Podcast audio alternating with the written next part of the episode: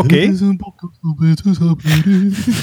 Welkom bij de Homeo-podcast. Een klein beetje inhoud, verdund in twee uur en een half geleuter. Dit is een podcast. Skibidobidobdido. We hebben dat echt gemist. Ik ben behoorlijk nerdy. Dit is een podcast op wetenschap gericht. Wij zijn zelden van onwaarheden beticht. En wij zijn nog nooit voor corruptie gezwicht. Dit is het Nerdland. Maandoverzicht. Met uw gastheer Lieven Scheire. Een goeiedag iedereen en welkom alweer bij een nieuwe aflevering van het Nerdland Maandoverzicht. Wij kijken terug op de maand eh, februari. Dit is de aflevering maart dus. Wij nemen nu op op 18 februari, zowaar. En het is een beetje spannende datum, spannend moment om op te nemen, want straks, live tijdens deze opname, zal de Perseverance Marsrover landen. Ja, wij gaan dat dus hier live min of meer kunnen volgen. Tegen dat jullie dit horen, is dat al eh, oud nieuws. Maar goed, ja, wij kunnen niet anders dan daar toch op reageren terwijl het gebeurt. Maar om te beginnen, wie zit er hier bij mij? We hebben eh Els Aerts, Hallo. Jeroen Baert, Hallo. eh, Peter Berks, Hallo. Stefanie Degene, Hoi. Marian Verhelst, Hoi, hoi. eh, Bart van Peer. Dag allemaal.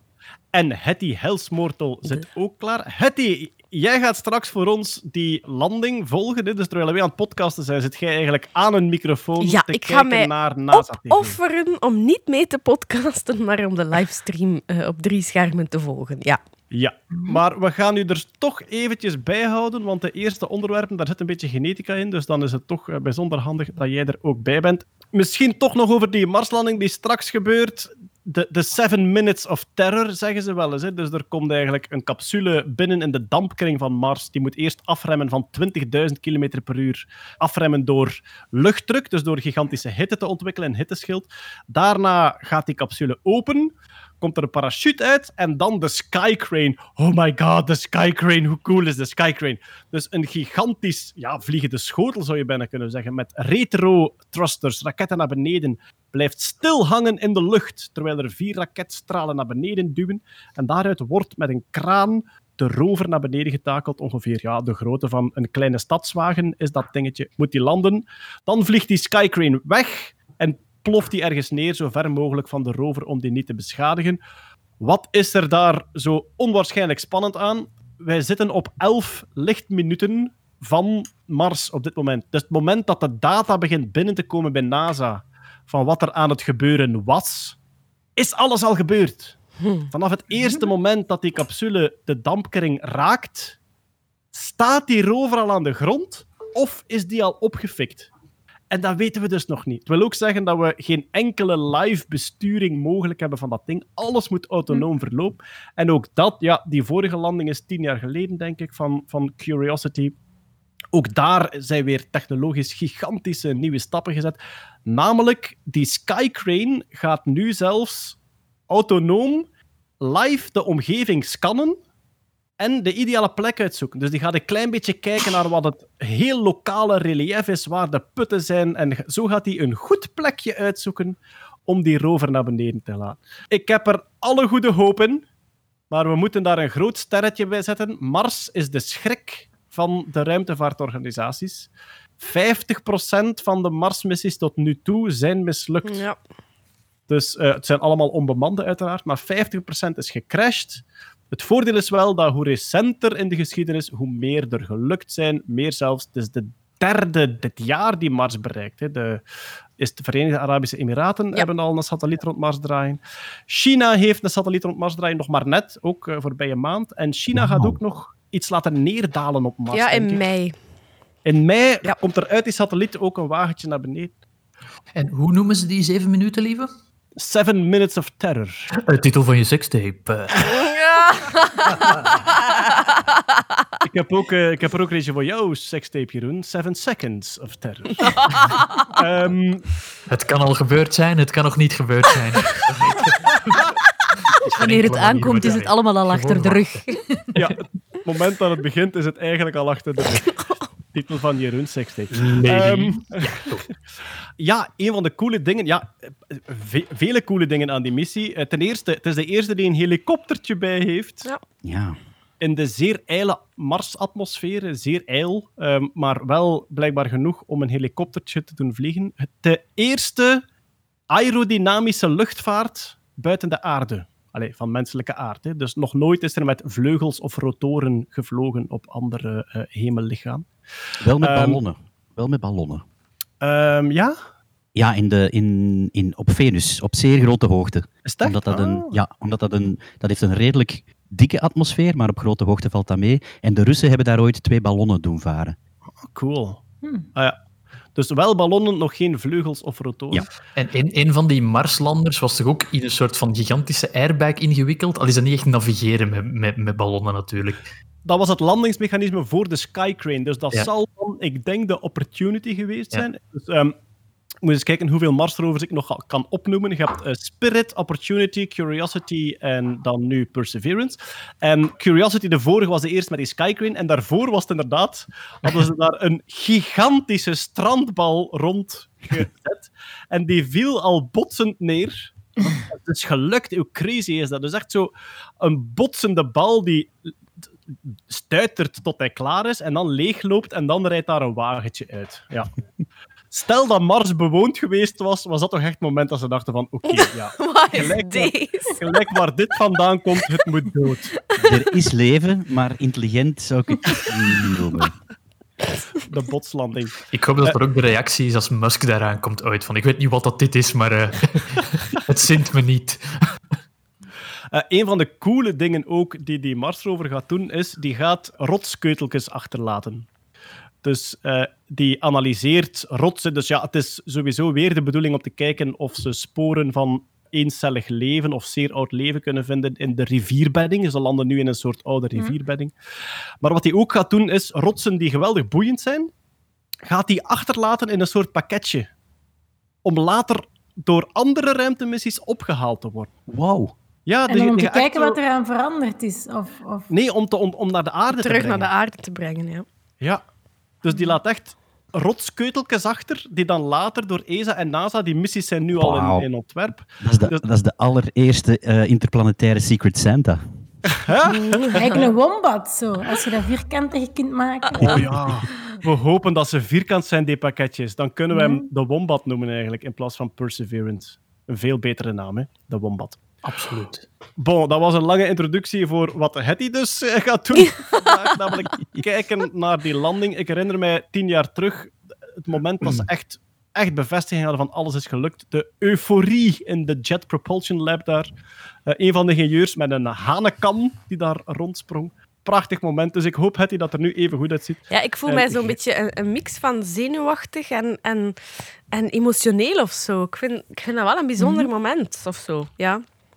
Ik ben tien jaar terug, toen de eerste foto terugkwam, ben ik een beetje volgeschoten. Ja. Omdat Ja. Een foto geeft de textuur van dat landschap en geeft zo'n gevoel van we zijn er echt. Mhm.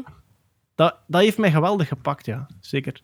En zenuwachtig, je moet je nu voorstellen dat je iemand bent die aan die missie werkt. Nee. Man, op zeven minuten tijd kan uw voorbije tien jaar en uw Tien komende jaar, ja, tien... zijn. Ja, en uw Ja. komende tien jaar, hè, eigenlijk Ja. twintig jaar carrière, Ja. ligt vanavond in Mhm. een gloeiend hete weegschaal, eigenlijk. Ja. En dan denkt hij, was het Little Engine of Big Engine? Oh nee. Wacht, ik heb toch A is groter dan B gezet in plaats van A is kleiner. dan- Hoeveel bits heb ik nu weer gereserveerd voor dat nummer?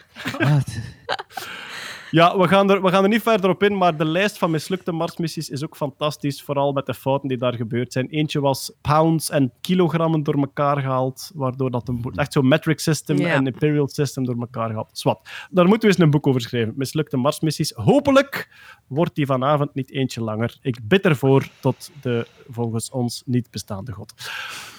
Maar dat alles gezegd zijnde, gaan we gewoon over naar de reguliere onderwerpen. En wij gaan alweer beginnen met corona. Dat is nu eenmaal het eh, most eh, eh, pressing subject van onze tijd. Corona.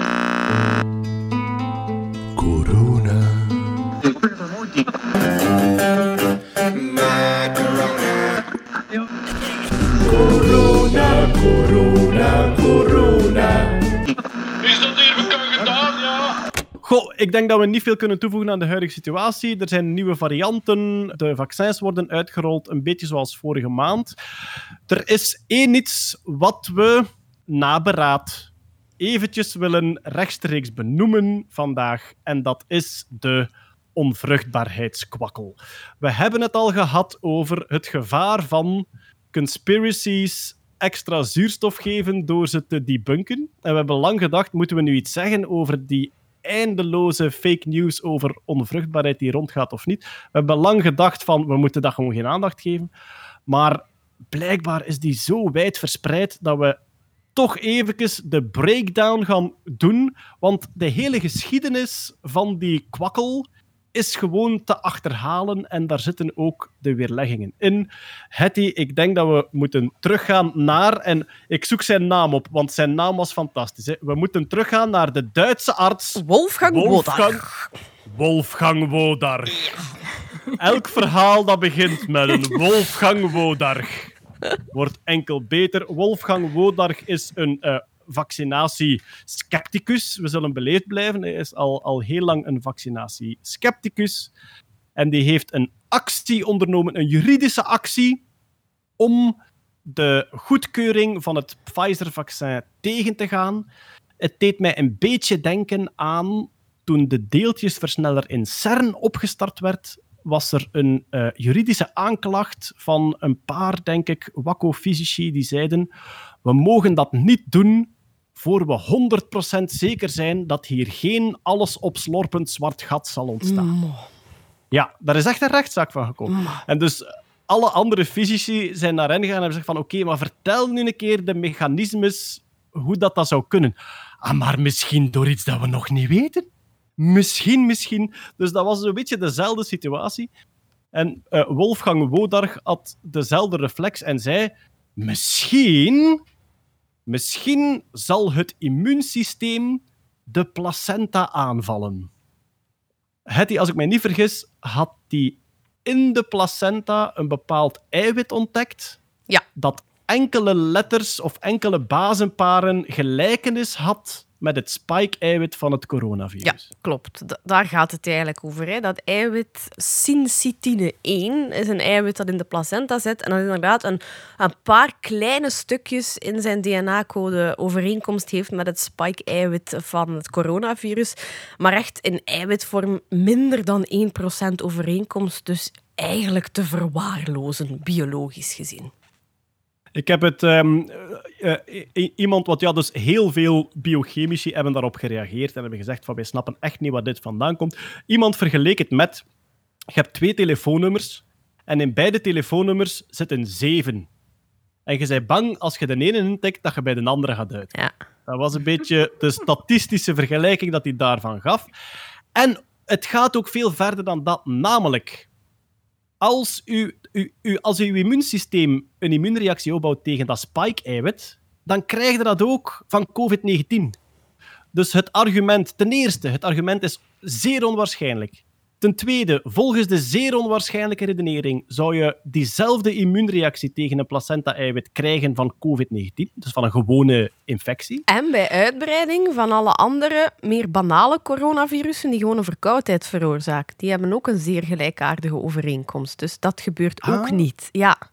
Ah, zover was ik nog niet. Ja, natuurlijk. Ja. Die, die lijken even goed, ja, even weinig zou je kunnen Even zeggen. weinig, ja. Daar valt nog aan toe te voegen. Wij maken ons nu zorgen over mutaties. Er wordt nu gezegd, zal het vaccin wel werken tegen een mutatie? Ja. De mutaties die we nu zien, dat gaat hem over 16 telefoonnummers, waarin alle 16 telefoonnummers één cijfer veranderd is. Dus een, een mutatie van zo'n spike- spike-eiwit is een minieme verandering waarvan we nu proberen onderzoeken. Hopelijk werkt dat vaccin nog.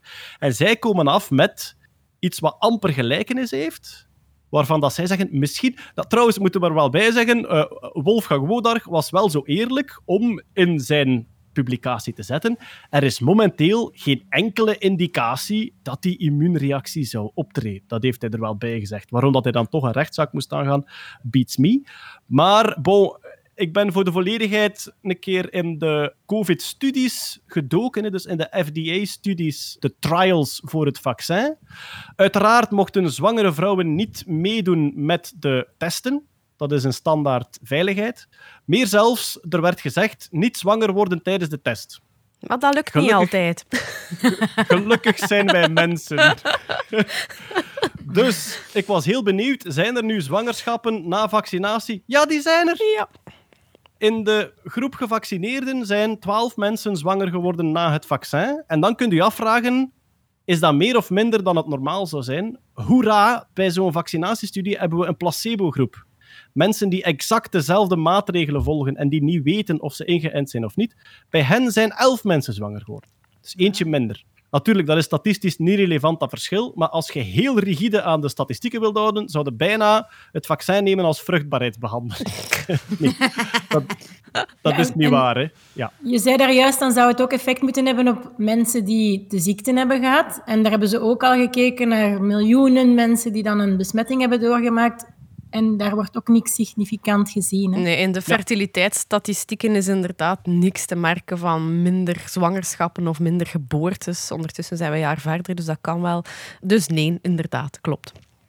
Maar goed, ik denk, de kern van de zaak voor ons op dit moment is, wij merken dat die kwakkel geweldig rondgaat. Ehm, ook qua publication bias, hè, als zijnde qua, qua doorvertelwaarde van dit soort fake news, is gigantisch. Vooral onder jonge mensen. Het is logisch, als je je niet geïnformeerd hebt en je weet niet, is dat nu waar of niet, is het logisch dat je je zorgen maakt. Dat vind ik nog... Ja, dat spreekt voor zich. Vooral als Waarom daar doen zo'n we- zo'n semi-wetenschappelijke uitleg achter komt, waar dat je eigenlijk ja, toch de, de ins en de outs niet van kent. Dat vind ik zo altijd gevaarlijk. Zeker.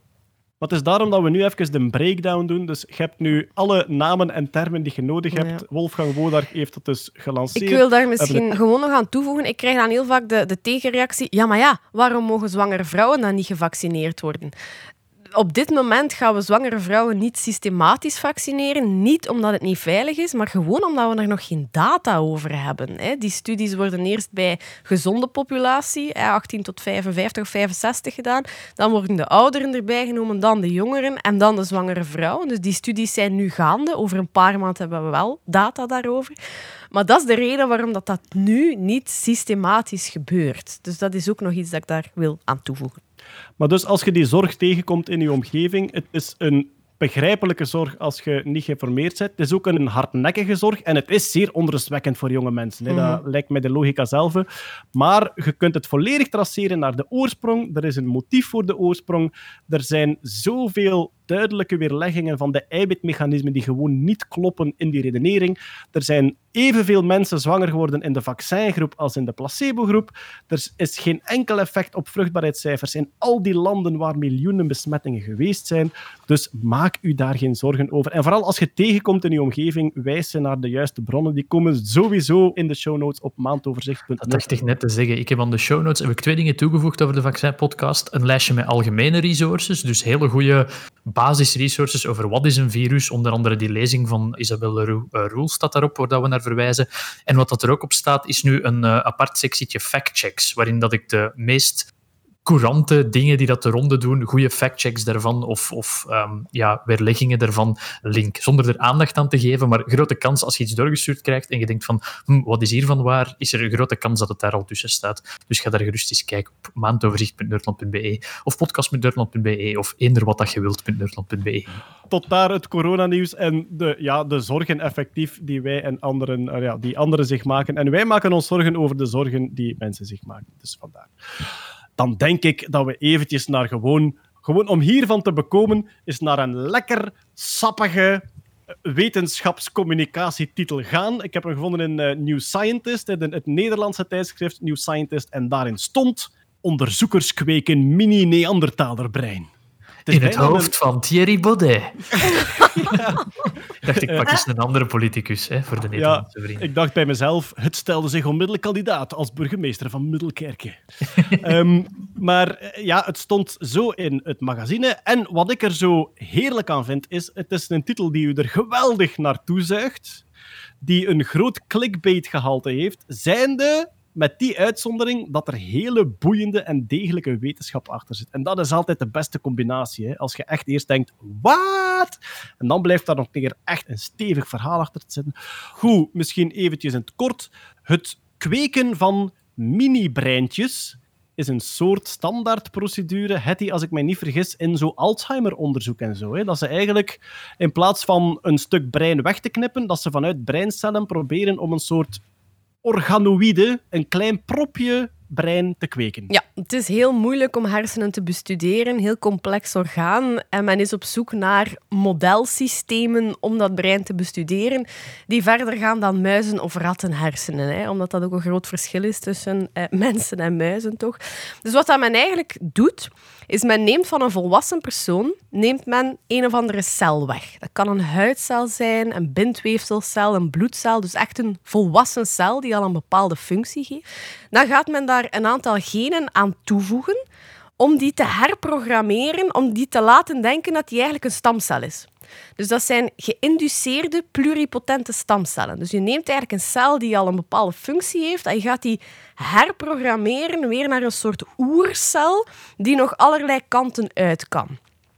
En dat hoopje cellen, daar ga je dan bepaalde groeifactoren aan toevoegen. In dit geval dan ja, groeifactoren die die richting eh, hersencellen sturen. En dan na een aantal maanden soms roteren in een bioreactor krijg je dan een hoop cellen die iets van een hersenachtige structuur hebben. Dat is de procedure. Ja, eh, iets wat mij ooit uitgelegd is door, hoe heet ze ook weer, de uh, grote Alzheimer-professor aan de KU? Christine van Broekhoven. Ja, voilà, Christine van Broekhoven. U Antwerpen. dat je dat net vergeten bent. Christine, ik heb je nodig. Ik was je naam vergeten. En het is uw Antwerpen ook. Ah, oké, ja. Ik heb zoiets geïnterviewd uh, in Leuven. Het zal daarmee zijn dat ik, dat ik het door elkaar haal. Uh, dus die doet... biomarkers. die doet dat vaak, hè, dat soort dingen opkweken, om dan te zien van ja, wat gebeurt er mee. Nu, even voor de duidelijkheid, dat is uiteraard dat is een propje weefsel waar wel bepaalde elektrische signalen doorgaan, maar totaal niet op een gestructureerde manier die enige vorm van gedachten of bewustzijn. Nee. Dat is alsof dat je een beetje spier hebt dat aan, aan het samentrekken is. Het is niet dat er iets of iemand aanwezig is. Maar wat was het geniale idee nu aan de Universiteit van Californië? Wij hebben Neandertaler DNA. En daar zitten heel belangrijke verschillen in met ons DNA. En natuurlijk proberen wetenschappers al lang te achterhalen welke verschillen hebben nu ervoor gezorgd dat wij verder gekomen zijn en de Neandertalers niet. Er wordt vermoed dat daar toch een evolutionaire reden voor is, buiten een, een soort agressieve wie heeft de oorlog gewonnen reden. En zij hebben zich gefocust op het NOVA1-gen, ik weet niet of dat Nova dan naar Denisova-mens nee, verwijst. dat is een afkorting Nee? Ah, van uh, neuro-oncologic. Dus het is een neuro-oncologisch ventraal antigen. Het is een gen dat ook vaak in, uh, in kankers gedereguleerd is. Dus vandaar die naam oncologisch. Ah, neuro-oncologisch. Ja. Ja, het leek wel op Denisova, wat dan de andere mensen, Ja. zo tussen Neandertalers, Denisova-mens, waren waarschijnlijk alle twee aanwezig als de Homo sapiens ook in Europa was. We hebben waarschijnlijk ook vermengd met met Neandertalers zeker, waarschijnlijk ook met Denisova.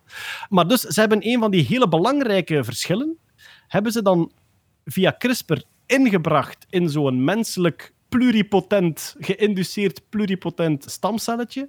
En dat laten uitgroeien tot een hersenpropje, gewoon om de verschillen te kunnen zien tussen... We hebben nu een... Ja, eigenlijk is het geen Neandertaler-propje, hè, want er is maar één gen veranderd. Maar het was wel verwonderlijk, Hetty, hoeveel invloed... Dat, want ik denk dat dat, dat een puntmutatie was. Ja, dat ze maar één, één bazenpaar. Ja. één lettertje van de 3 miljard veranderd. En toch zagen ze significante verschillen in ja, heel veel verschillende functies. Hè. Ja, in, in, in vorm, in morfologie. Hè. Het was kleiner. Die, dat die celoppervlakken waren gerimpelder bij die, die oervariant, zal ik maar zeggen. Die cellen vermenigvuldigden zich langzamer. Eh, ja, dus er was een verschil. Ehm, er zijn wel zo twee grote partijen in dat onderzoek. De ene die zeggen van dit is geniaal en, en dit zal het eh, verklaren waarom Homo sapiens beter was evolutionair dan die Neandertalers. Er zijn ook mensen, en ik zit daar misschien ook wel een beetje bij, die zeggen: nee, jongens, dat blijft toch wel gegoochel in een petrischaaltje met een sterk vereenvoudigde versie van ons meest complexe orgaan. We moeten daar toch een beetje mee oppassen met de conclusies die we daaruit trekken. Ja, dat is inderdaad eh, een begrijpelijke reactie. Als je één letter verandert van het mensen-DNA en, en zegt, nu snappen we de Neandertaler, dat zal inderdaad wat kort door de bocht zijn. Ja. Maar ja, dat was inderdaad het vermoeden van de eerste groep dan, was, we zien hier duidelijk dat er verschillen waren in hersenvorming en dus ook manieren waarop de Neandertaler informatie verwerkte, opgeslagen had in die tijd. Niet neurotypisch, dat sowieso, naar onze normen. En dat is, nu, ja, dat is nu om verder onderzoek op te doen. Ik denk dat ze wel opnieuw gaan kweken met nog andere genen die veranderd zijn. Om te Ja, er zijn daarvan 61 verschillen tussen die ja, Neandertalers en die Denisova-mensen en, en ons genoom dan. Dus ja, maar deze is wel heel interessant, omdat dat een soort master regulator is. Dat is een gen dat heel veel andere genen aanstuurt. Dus dat kan de reden zijn. Als je daar iets verandert, heeft dat natuurlijk een gigantische waterval aan effecten. Dus, allee, Ja, ik- dat is een beetje een genetisch butterfly-effect eigenlijk Ja. dat, je, dat je daar krijgt. Absoluut. Ja. Ja, maar dat vind ik daar ook heel boeiend aan, omdat in, in de basisbenadering, in de complete break-it-down basisbenadering, zijn onze genen recepten voor eiwitten. En dan zou je gewoon denken, ah, het is simpel, elk gen maakt één eiwitje. Verandert je het gen, dan is het eiwit veranderd. Maar alles hangt zodanig aan elkaar, dat je dus door één letter te veranderen van die 3 miljard, dat je ook de andere recepten die ook in je DNA zit, ook beïnvloedt, maar dan meer op de manier wa- wanneer dat ze geactiveerd worden waarschijnlijk, of, Ja, of hoeveel ervan gemaakt wordt. Deze stuurt eigenlijk aan, allee, we kennen nu allemaal mRNA van, van de vaccins, maar voordat je mRNA hebt, heb je eigenlijk pre-mRNA. Daar zitten nog stukken tussen die daar moeten uitgehaald worden. Dat zijn intronen. Hè. Die, die, als je je DNA kopieert naar RNA, zitten die daarin, maar die moeten eruit voordat je een, een eiwit kan maken. En het is in dat proces, die dingen eruit halen, dat dit gen betrokken is. Dus je kan je wel voorstellen, als daar iets verandert of, of lichtjes fout loopt of zo, dat dat een enorme invloed heeft op, op heel veel downstream processen in die cellen. Hè. Oké, Van die 60 of 61 verschilpunten, is dat de enige die zo een master gen is? Of zijn er zo nog verschillende heel belangrijke? Dat zou ik moeten opzoeken, maar de reden waarom dat ze gekozen hebben om met dit verder te gaan in, in praktisch werk, is wel onder andere omdat dat zo'n master regulator is. Dus dat, er zijn er ook niet zo bijzonder veel. Dus die sprong er wel enorm uit qua functionele studies natuurlijk, hè, om daarmee door te gaan. voilà, maar dus eh, er zijn piepkleine Neandertaler hersentjes gemaakt op de aarde. Ze zitten allemaal op Twitter al intussen, heb ik. En, ehm, hopelijk komen daar nog verder zeer goede conclusies uit. Ik heb nog een kort DNA-nieuwsje. Hetty, ik weet niet of dat je het gelezen hebt. Amai, ja. Er is voor het eerst DNA uitgelezen ouder dan 1 miljoen jaar. Waanzin, hè? dat was een mythische grens. Want ja, in mijn voorstelling heb ik het er ook over. Eh, mensen vragen vaak van, gaan we ooit de dinosaurussen kunnen klonen? Ja, nee, DNA heeft maar een houdbaarheid van 1 miljoen jaar. Dat is een molecule die valt uit elkaar, ook al bewaart je die in optimale omstandigheden, die begint af te brokkelen. Maar nu zijn ze toch over die grens van een miljoen jaar. Ik denk, mammoeten-DNA van anderhalf of 1,2 miljoen jaar is gedeeltelijk uitgelezen, want het ding al een beetje met friemeltjes van elkaar. Ja, het is heel versnipperd DNA natuurlijk, hè, maar ze hebben toch een aantal delen kunnen re- reconstrueren door dat ook te vergelijken met een, een nog levende variant, een Afrikaanse olifant. Het is DNA uit tanden kiezen van mammoeten die ja, in die Siberische permafrost zat. Eh, In de jaren 70 al ontdekt, die, ehm, die mammoeten en die bijhorende tanden, maar nu dus 50 jaar later eh gesequenced. En inderdaad een, een symbolische grens die we daar, die we daar doorgaan. Hè. Dus ik ben er eigenlijk wel re- redelijk enthousiast over. Ik zag dat de eerste auteur van het artikel dat dat een Nederlander is. Tom van der Valk zit nu in Zweden, dus het is een, een Zweeds project. Ehm, maar ja, ik vond wel... eh, ja, het is, het is wel... Het is een, ik zeg, een symbolische grens die we eergisteren overgegaan zijn, ja. Ja, Universiteit van Stockholm. En de andere auteur eh, eh, eh, heet Love Dalen. Zijn voornaam... Zijn, my first name is Love. Waarschijnlijk Love in het Zweeds, maar toch. Ja. Love is my middle name.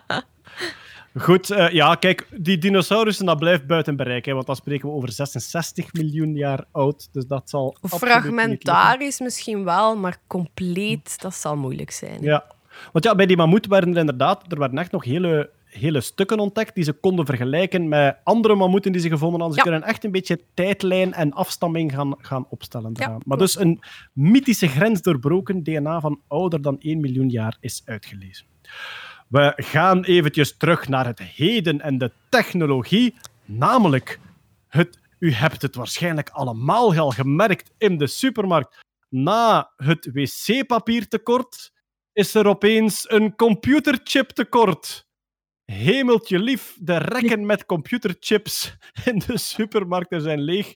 Ja, Marian, ik denk dat wij er als eindconsument nog niets van gemerkt hebben. Of misschien wel zonder dat we het wisten. Maar er is wereldwijd iets aan de hand met de chips en de, de, de levering van de chips. Ja, ja, de chips zijn op. Je kan er al wel iets van gemerkt hebben als je een laptop of zo hebt proberen te bestellen. Er beginnen veel langere levertijden te komen. Wat eigenlijk aan de hand is, is dat de vraag naar fabricatie van chips veel groter is dan het aanbod. En dat komt eigenlijk door verschillende aspecten. Enerzijds hebben we eigenlijk de laatste jaar enorm veel meer vraag naar elektronica. Bijvoorbeeld, er zijn 300% meer headphones en webcams verkocht. En er um, zijn extra laptops en zo verkocht voor thuisonderwijs en thuiswerk enzovoort. Dus veel meer vraag naar elektronica. Ook een, stuk, ook een, stuk, uh, een stukje corona dan, een stukje lockdown ook. Ja, ja, omdat veel meer mensen van thuis moesten werken. Oké, okay, ja, ja. Wat er eigenlijk tegelijkertijd ook is gebeurd, is de handelsoorlog tussen Amerika en China. Want China had hele grote investeringsplannen qua nieuwe fabrieken voor chips te maken. Maar Trump heeft eigenlijk gezorgd dat er heel veel apparatuur en zo niet is aangekomen. En dat ook Amerikanen daar geen bestellingen mochten plaatsen. Dus de productiecapaciteit is niet kunnen opschalen. En wat er dan nog gebeurd is, en dat is eigenlijk heel interessant, is dat nu vooral die auto-industrie last heeft.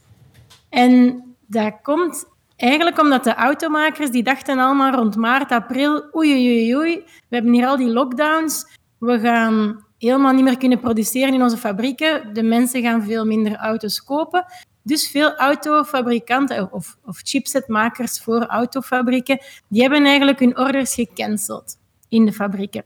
Tegelijkertijd zijn al die elektronica-producenten, laptops, headphones en zo, die zijn extra gaan bestellen, want die zagen dat aankomen dat ze meer gingen nodig hebben. En na een paar maanden, tegen de zomer, zagen die autofabrieken van oh, dat loopt hier precies toch oké, we kunnen terug produceren, we willen toch terug, terug chips bakken. Maar je moet weten dat zo'n doorlooptijd van zo'n chips dat gemakkelijk vier, vijf maanden. Dus die, die chipfabrieken, hè, dat is dan vooral in Azië, die zeiden ja, dat is goed, maar ga maar achteraan in de rij staan na al die laptopchips en, en gsm-chips dat we aan het maken zijn.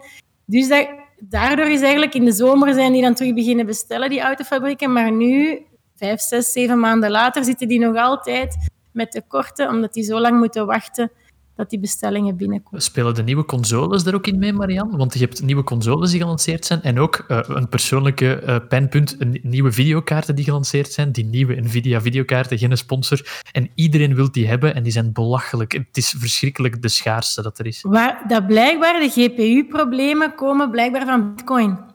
De bitcoins ah, zijn zo enorm populair geworden dat iedereen is beginnen bestellen, uh, GPU's beginnen bestellen om extra bitcoins te minen. En Nvidia kan niet volgen met zijn leveringen. Daarover Ze zijn zelfs ja, ja. Ja, we gaan het straks nog over Bitcoin hebben. En dus voor de mensen die de link niet helemaal mee hebben, die GPU's, die, die grafische kaarten, worden gebruikt om Bitcoins te minen. Dus om eigenlijk de goedkeuringssleutel van het volgende blok te berekenen. Dan krijg je daar als beloning een beetje Bitcoin voor.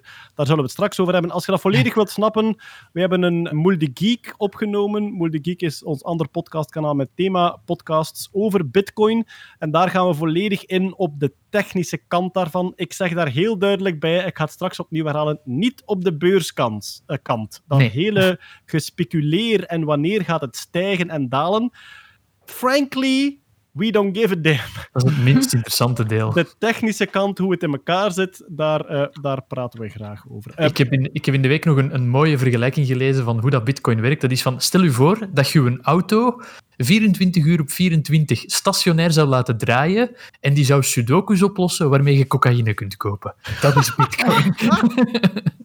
Oké. Okay. ja, uh, ik denk dat uh, de gouden metafoor ook bijna uw richting uitkomt. Maar hij was niet van u, zeker? Nee, nee, nee. nee. Ik heb hem gelezen op ah, okay. ergens Twitter. Ik weet het niet. Hij is al oud. Daar gaat je gouden metafoor 20 jaar. Wat, wat uh, met die chips nu wel pijnlijk duidelijk wordt, is dat meer dan 70, ik denk 75 procent van de wereldproductie van chips zit in Azië. En dan heeft Amerika nog 15 procent en Europa nog 10 procent.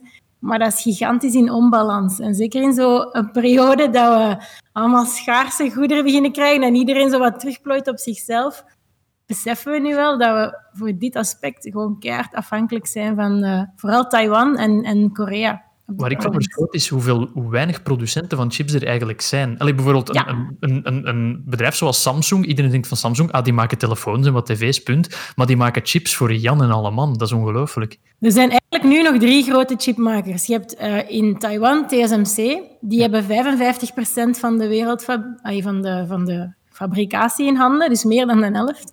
En dan heb je in Samsung in Korea ongeveer 20%. En dan heb je nog een klein beetje bij Intel.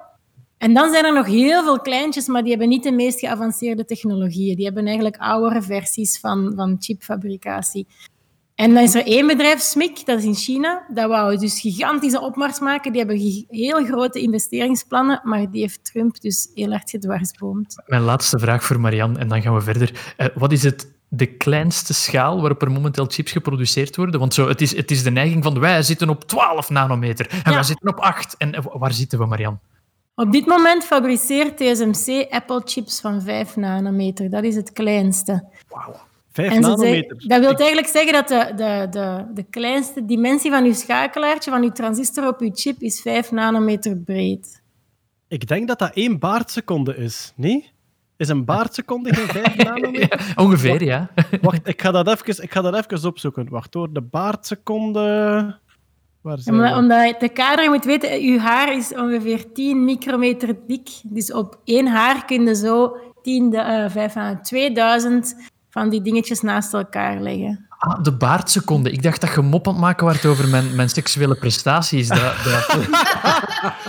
Dat is inderdaad dat is een, eh, dat is een, nieuwe, een nieuwe definitie van de beard second. Nee, de beard second is 5 nanometer, inderdaad. Dus Oh my god. De schaal waarop chips nu geproduceerd worden, en dan spreken we over de kleinste schakelingen die daarin zitten, denk ik. Hè? De, de afmeting van de kleinste transistor, ja, Ja. De, de, de breedte daarvan. De transistor is zodanig klein dat een baard daar op één seconde voorbij groeit. Dat is echt Dat geweldig. is waanzin. Maar ook, ik denk dat een virus, denk dat een herpesvirus, dat dat 40 nanometer is. Dus dat, is, dat kan gewoon Ja, ja, het is over- veel kleiner dan een virus, dus kleiner dan een DNA-streng, als ik het goed heb. Waanzin. Ja. Ja. Ehm, ja, nu ge- genoemd net de grote chipfabrikanten. Ergens staan wij met België en Nederland ook wel een beetje op de chipkaart, denk ik. Met Eindhoven en met Leuven. Hè. Leuven, Ja. IMEC. En in Eindhoven zitten er ook veel eh, chiponderzoekers. En, eh, ja. Ja, hier gebeurt heel veel onderzoek in Leuven naar die nieuwe technologieën, maar we fabriceren niet op grote schaal. Maar TSMC en zo zijn klanten in Leuven. In Eindhoven zit ASML, een belangrijk bedrijf dat eigenlijk machines maakt voor chipfabrikanten. Oké, ja. Geen sponsors, maar mail ons. Jeroen.be. Gaan wij er iets van merken, Marian, ergens de komende maanden van het chiptekort? Ik heb gehoord dat de PlayStation 5 al eh, problemen heeft om, Oh, om me te ervan. kunnen fabriceren. Dus Ik- denk, als al- mensen zo'n soort dingen bestellen, gaat het wel merken. Ik zit al drie maanden in zo'n Telegram-groep met een hoop Nederlanders die elke, elke ochtend vragen wanneer komt de drop, wanneer komt de drop? Dus de volgende lading die aankomt bij een winkel. En dat is, dat is om zot van te worden. Maar het is me nu eindelijk gelukt om een te bestellen. Proficiat. Ehm, en ja, er is ook heel veel enthousiasme, Marianne, en daar gaan we dan het chipstuk best, best mee afsluiten. Heel veel enthousiasme over die nieuwe Apple-chip. In de nieuwe laptops zit er zo Ja. een soort chip M1. waar dat, ja, de M1, waar dat mensen lyrisch van worden. En zelfs een paar Mac-fans die ik ken, die gewoon een nieuwe laptop gaan kopen zijn, want daar zit de M1-chip in. Hij heeft gewoon... Ik, heb nu, ik geef les computerarchitectuur dit semester, dus ik heb gewoon net alle blogs rond die een chip doorgespit om dat in mijn lessen te kunnen gebruiken. Het is gewoon echt knap wat voor massieve processoren ze daar samen op één chip hebben geduwd. Dat ding kan dubbel zoveel instructies per cyclus gaan, gaan uitsturen als de Intel-chips. Die hebben veel bredere datapaden waar meer berekeningen en zo op kunnen gebeuren. Dus het is gewoon echt enorm wat rekenkracht daar bij elkaar geduwd wordt. Waardoor zij eigenlijk dan nog eens aan een lagere klokfrequentie kunnen werken en een veel efficiënter met je batterij kunnen omgaan enzovoort. Nu, er is een heel oorlogje bezig. Hè. Intel heeft dan van die benchmarks waar dat zij het zogezegd beter op doen en Apple heeft er waar dat zij het beter op doen en dan doen ze wat cherrypicking en zo. Dus het hangt wel vanaf wat dat je dan juist draait op die computers. Maar, ja. Maar het enthousiasme, knappe ja, het enthousiasme heeft wel een reden. Ja. Ja, zeker. Oké, geen sponsor, hè, zeggen we er altijd bij. Geen sponsor, Jeroen, uiteraard. Ze mogen mailen, ze mogen mailen, maar tot, tot, tot nu toe nog niet gesponsord door Apple of Intel. voilà. Oké, we gaan naar de ruimtevaart. Want Stefanie, dat was toch wel bijzonder opwindend nieuws dat de wereld bereikte de voorbije maand. ESA zoekt opnieuw astronauten. Ja, Het is En- even geleden, denk ik ook. Hè? ja, en wat mij bijzonder eh, verheugde, was dat ze eh, specifiek op zoek gaan naar meer diversiteit in de ruimte. Dus ze roepen specifiek vrouwen op om zich kandidaat te stellen. Ze willen daar echt iets aan doen. Eh, ze zien dat zelf ook wel, dat er belachelijk weinig vrouwelijke astronauten zijn. Dus dat vond ik al heel knap. Maar wat mij dan nog blijer maakte, was dat ze nu ook een programma hebben opgezet waarin dat ze gaan onderzoeken of het haalbaar is om mensen met een fysieke beperking op te leiden tot astronaut. Oké. En iemand zei daarover, ja, op zich moet dat haalbaar zijn, want ja, you don't need legs in space. Dus of dat je nu motorisch beperkt bent eh, aan je onderste ledematen of niet, dat gaat niet zo gek veel uitmaken in de ruimte. Dat is een beetje kort door de bocht natuurlijk. Ja. Ik bedoel, eh, je moet natuurlijk, eh, er zijn allerlei gezondheidsrisico's verbonden aan, aan ruimtereizen, dus dat moet wel eerst goed onderzocht worden. Maar eh, dat die intentie er is, vind ik, ja, vind ik prachtig. Ja, ik vind dat inderdaad ook een, een mooi iets. Uiteraard, zoals dat gezegd, er is een realiteit. Hè. Het, is, het is een gevaarlijke omgeving en je moet kunnen reageren op alle noodsituaties. Dus daar, daar moeten we ook niet overwookt in doen. Maar het feit dat je inderdaad geen benen nodig hebt in de ruimte, het feit dat je dat daar allemaal zou kunnen. En mensen vragen soms, waarom is dat belangrijk? Ja, representation. Hè. Het, feit dat je vroeger, als, als je niet mannelijk en wit waart, dat je eigenlijk geen enkel voorbeeld had in de ruimte dat jij dat ook zou kunnen, dat speelt gewoon mee als je jong bent en als je je afvraagt, wat kan ik later worden? En hoe meer diversiteit dat daarin zit, hoe meer dat je mensen zoals u, gelijk wie dat je bent, dat soort dingen ziet bereiken, ja, hoe meer dat dat ook in je eigen motivatie gaat meespelen. Dus, Het- allee, Het is gespecifieerd welke beperkingen geen probleem zouden zijn, bijvoorbeeld. Een kleine gestalte voor het eerst, kleiner dan 1,30 meter. Als Tom Cruise naar TSS kan, dan kan iedereen naar TSS. Het ontbreken van één of twee voeten en het ontbreken van één of twee onderbenen zijn allemaal volgens dit programma geen probleem om een, een astronaut te Ik vind hun catchphrase wel heel goed. No legs, no problem. Al hoop ik dan wel dat ze die astronautenpakken aanpassen, want dat moet heel grappig zijn om zo twee lege benen te zien flapperen achter iemand. Nee, ik hoop dat ze ze niet aanpassen. Het is beter zo. Maar ik, ik, ik vraag me wel oprecht af, want dat is, dat is wel een andere manier van navigeren natuurlijk. Hè. Als jij twee ledematen minder hebt, heb jij een paar vrijheidsgraden minder om te gebruiken om jezelf rond je, rond uw evenwichtspunt of, of je massamiddelpunt te manoeuvreren. Dus dat is, wel, dat, is, dat is sowieso wel een andere manier van navigeren in gewichtloosheid. ja, dat misschien klopt. misschien maar- een gemakkelijkere, dat weet ik niet, maar het, is, het, is wel, het maakt wel Ja, iets die, uit. die hebben gewoon al die ballast niet nodig. Die gaan gewoon... Dat gaat Je- misschien je gewoon veel gemakkelijker zijn. Maar ja, je, weegt, je weegt ook wel minder, dus het is goedkoper om je naar boven te sturen. Zo, tien. Oompa in plaats van één astronaut. Pas op, hè. dat is rap. Tel je winst. Hè. Ah, Wel, maar de realiteit zal altijd rootless zijn in de ruimtevaart. Hè. Dus daar gaan ze niet omheen kunnen. Maar hoe dat gaat beweegt in het gewichteloze, ja, dat gaat iedereen een beetje voor zichzelf moeten uitmaken. Het is niet dat wij daar veel ervaringsvoordeel op hebben. Dus het lijkt mij inderdaad boeiend om te zien ehm, hoe ze daarmee gaan omgaan met die, met die selectie. Ik las Ja, dan een astronaut had gezegd van eigenlijk in de ruimte zijn we allemaal gehandicapt, want we zijn daar niet op voorzien. En minder ledematen die toch maar rondzweven waar dat je eigenlijk niks mee kunt, dat is mi- misschien zelfs een voordeel. Ja, dat zou heel goed kunnen. Ik heb, ik, ik heb een, een, een gewichtloosheids... Of ik heb dat ervaren. Ik heb een parabolische vlucht gemaakt voor eh, de Juist, je schuur hebt van een Scheire. paraboolvlucht gedaan. Ja. Cool. Ja. En dat is, dat is heel bizar, want het, de allereerste reflex die dat je hebt, is dat je probeert te zwemmen. Dat is het allereerste wat je begint te doen. Je begint met je armen en je benen te zwaaien. En je, je merkt Ja, ook onmiddellijk, dat heeft totaal geen zin. Ehm, maar ik moet, ik moet ook een beetje aan katten denken die, als je ze laat vallen, al hun ledematen gebruiken om zichzelf op een ja, nog een redelijk Om bij te manier- sturen. Hè? Ja, om bij te draaimoment, sturen. draaiimpuls. Ja, ja, ja. draaimomenten gebruiken. En Maar dat is gesteld denken- dat je een boven en een beneden hebt. Hè?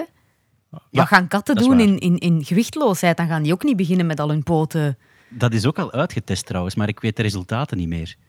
Ze hebben, ze hebben ook al katten... Ze hebben, dat, dat is echt een vraag die ze zich gesteld hebben van...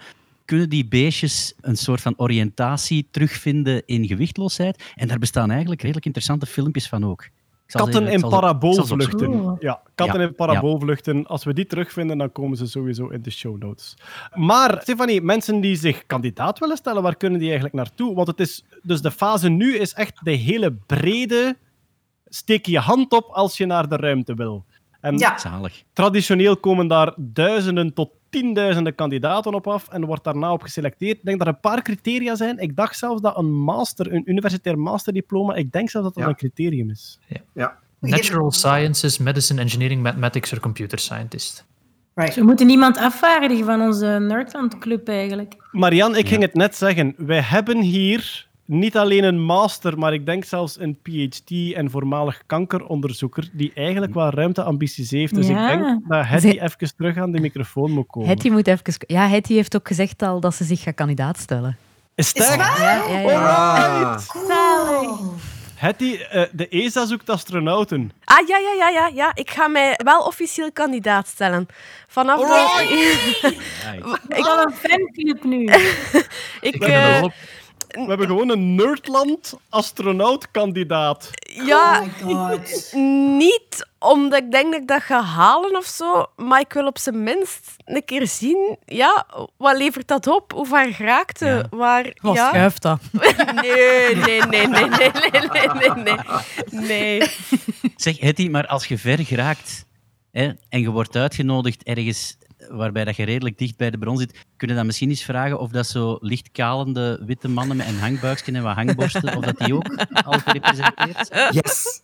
Oh, Bart, ik Bart. vrees, Bart, ik vrees, dat, ik vrees dat uw uitleg van daarnet nu een beetje duidelijk wordt voor mij. Jij wilt argumenteren dat je met je buik meer draaiimpulsmomenten in de ruimte kunt eh, genereren. En dat je wendbaarder bent, eigenlijk. Ik heb meer vrijheidsgraden, lieven. We hebben een vijfde ledemaat. Zeg, kunnen we nou wel vragen aan de, de ESA, Hetty, dat ze dan niet plannen wanneer het er een podcastopname is, als jij naar boven moet en? Want, allee, prioriteit. Net Maar- wel, dan Misschien is er daar wel gewoon wifi. Maar Ah, ga, nee, niet, want ga niemand kan- anders dat doen? kijken. Gewoon om een keer te zien hoe of wat. Want ik geloof niet, ik ben niet echt sportief of zo. Ik heb waarschijnlijk wel de, de wetenschappelijk diploma. Nog niet. Maar daar kom ik in de picture. Maar ik wil, dat gewoon een keer, ik wil dat gewoon een keer weten en zo'n officiële mail dan ook krijgen van ja, Maar bedankt ik ben, voor daar ook, ik ben daar uitermate benieuwd ah, naar. Alleen, ik ben een angsthaas. Maar je kunt toch afhaken? uh, gewetensbezwaar. Titel van mijn sekstape. Ehm, maar... Lieve kende, wacht je te lang om te zeggen dat hij het niet wilt. Zit je klaar in de raket en is het zo van... 3, 2, 1. Nee, enfin, het, het avontuur zou mij echt fantastisch lijken. Niet alleen die ruimtevlucht, of vooral die ruimtevlucht, maar ook de hele opleiding. training, en, hè? Ja, en, voilà. en mee, mee in een organisatie draaien zoals de ESA, dat moet echt waar fantastisch zijn. Maar ja, ik ben echt een, een angsthaas, dus ik weet gewoon niet of dat... Ik, ik, kan, het, ik kan het risico niet nemen, Maar ga ik daar nu te licht over? Want ik ga dat echt Nee. gewoon voor een Ik- stuk voor de fun doen. Ja. Ik ben zelfs, ik ben doen, kizzel doen. Ja? Ik ben zelfs scheiden nerveus als ik met iemand meerijd in de auto, ook al rijdt hij goed. hè. Dus ik heb echt een nervositeitsprobleem wat dat, dat Ik betreft. pak, dat hendeltje, ik pak dat hendeltje boven de deur zo altijd vast. Ook al is Ah, die ja. stabiel aan het rijden, ik Ja. heb dat altijd vast. En mensen interpreteren dat altijd als Jeroen. Het is oké hoor. Nee, nee, gewoon. Ik heb dat vast. Ah, dus Als ervaringsdeskundige kan ik zeggen, moest Hetty het halen, dan gaan ze best haar laten vliegen. Want niemand anders gaat beter vliegen dan Hetty. Ik ben ook zo'n chauffeur. Ik Maar heb dus- maar één probleem dat ik nog moet overwinnen. Dat is dat ik, en dat is echt waar, ik word ziek op de kikkertjes in Plopsaland. Dus, dus die rotatie, daar ga ik nog iets aan moeten doen. Maar voor de rest... Welkom recruten. Eerste test in de astronautenopleiding. Kies een kikker. De vomit rocket. eh, Hetty, sowieso is voor mij vanaf vandaag de hashtag Hetty for Space geboren. En, en ook inderdaad, of dat, je dat nu, of dat je dat nu haalt of niet. Ik hoop vooral dat je een tijdje meegaat in de, in Ja. de selectie en in de ride. En dat je daar ook verslag van kunt uitbrengen. Ja, Hier, het zou, het voilà. zou super tof zijn. Voilà. Maar dat En kan als- niet zijn, nu- hè. Dat we gewoon bedankt voor je kandidatuur en dat was het. Ja, Ja, ik, maar hoop, ik hoop toch keihard dat je even naar, ik- naar Keulen moogt, Ja. naar het astronautenopleidingscentrum en zo. We'll zou echt super cool zijn. Ja. Allee, ik ga verder Goed. kijken, hè. Yo. Ja, voilà. Maar dus kijk, eh, de ESA zoekt nieuwe astronauten. Eh, je vindt sowieso alles op de, denk ik, ja, de website van de ESA. We zullen ook de link zetten in de show notes om je kandidaat te stellen. Maar eigenlijk hebben we maar één advies. Stel u geen kandidaat, want Hetty doet al mee. Dus je maakt toch geen kans. Dus uiteindelijk, Hetty for Space, dat is onze grote droom. We gaan naar de insectjes, Peter, want het is een magisch jaar. Ja, namelijk Brood 10 is uitgekomen. ja, het is een jaar van 1 in de 17. Ja. Het is het jaar van de massale cicadenuitkomst in Amerika. En dan moeten we even duiden. Wij kennen de meikever als een driejarig insect. Namelijk, Mhm. eitjes worden gelegd, drie jaar later komen die uit. Wat wil dat zeggen? Een jaar met veel meikevers wil zeggen dat er drie jaar later opnieuw veel meikevers zijn. Ja. In Amerika hebben ze de cicaden en dat zijn 17-jarige insecten. Dus een jaar met veel cicaden geeft 17 jaar later weer veel cicaden. En er is zo één, ja, eigenlijk legendarische broedsel dat teruggaat. Ik denk verslagen die teruggaan tot de 18e eeuw. 1715 is het eerste verslag. 1715 is de eerste melding van. Allee jongens, er zijn nu wel veel cicaden van de jaar. En sinds Ja. dan om de 17 jaar een gigantische uitkomst. En dit jaar is weer zo'n gigantisch cicadenjaar. Het zijn de cicaden van het genus Magicicade. Of Magicicada, moet ik zeggen. En daar zijn 17 broeds van. Dus er is ooit iemand die eigenlijk die verschillende, hoe zal ik zeggen, golven van die uitkomsten allemaal een nummer heeft gegeven. Dat heet dan Brood 1, Brood 2, Brood... En nu zitten we aan Brood 10. Of Brood X, zo worden ze ook wel En dat zijn dus de jaren. Hè? Dus, dus Dat ze- ja, nee, dat zijn niet de jaren. Dat zijn, nee, nee, nee, nee. Dit is gewoon een bepaalde populatie. Dus je hebt er die, deze zitten nu in 15 staten in de Verenigde Staten, in het oostelijk gedeelte. Maar je hebt er ook die iets meer naar het midden zitten. Je hebt er ook die iets zuidelijker zijn, iets noordelijker zijn. En elk heeft zijn uitkomstjaar. Dus, ah, dus die, die nummers zijn geografisch. En niet die zijn geografisch. Ja. klopt. Ja, ja, ja. Dus we zitten nu in 10. En eh, de laatste keer dat die zijn uitgekomen was dus inderdaad 2004. En dit is dus een 17-jarige cicade. Je hebt er ook die 13. Dus van die 17 broeds die er zijn, zijn er vier die 13-jarige cyclus hebben. En er zijn er dan 13 die een 17-jarige cyclus hebben. En we hebben het ook al, al eens gezegd, denk ik, dus dat die in priemgetallen cyclussen evolueren, of hoe moet ik dat zeggen, dat heeft eigenlijk te maken met het feit dat dat een strategie is om predatoren te misleiden. Ja, staat ook in staat ons ook in het insectenboek. Dus Klopt. eh, sommige insecten zijn meerjarig. Ja, niet alle, maar sommige wel. Bij ons is de meikever daar bekend van. En er werd op een bepaald moment ontdekt, tja, we hebben hier driejarige insecten en vijfjarige en zevenjarige en elfjarige. Maar het zijn allemaal priemgetallen. Er zijn Ja. geen vierjarige insecten. Er zijn ook die geen... zijn er wel hoor. Standaard ja? gezien is het ofwel een jaarlijkse cyclus ofwel zo een, eh, een vierjaarlijkse cyclus. Maar dan loop je heel snel de kans dat je een, een overlap krijgt met je predatoren. Ja. En dan krijg je dus, hè, als jij bijvoorbeeld een vierjarige cyclus hebt en je predator heeft een één of een tweejarige, meestal een eenjarige cyclus, dan ga je die ooit wel eens een keer tegenkomen. Maar je kans is ja, 1 op 4 natuurlijk. Ah, wel, Maar pak, pak nu als- een 12-jarige cyclus, is het een van de beste voorbeelden. Als je een 12-jarige cyclus hebt als insect, maar je hebt ook een vijand, een ander insect dat u opeet, en die heeft ook een bepaalde cyclus. Stel, je hebt verschillende vijanden. Als Ja. je een 12-jarige cyclus hebt, dan komt er zowel de 2-jarige, de 3-jarige, de 4-jarige, als de 6-jarige, als de 12-jarige, komt er allemaal opnieuw tegen. Als de Maar- jaarlijkse. En de Als jaarlijkse de ook, hè. jaarlijkse.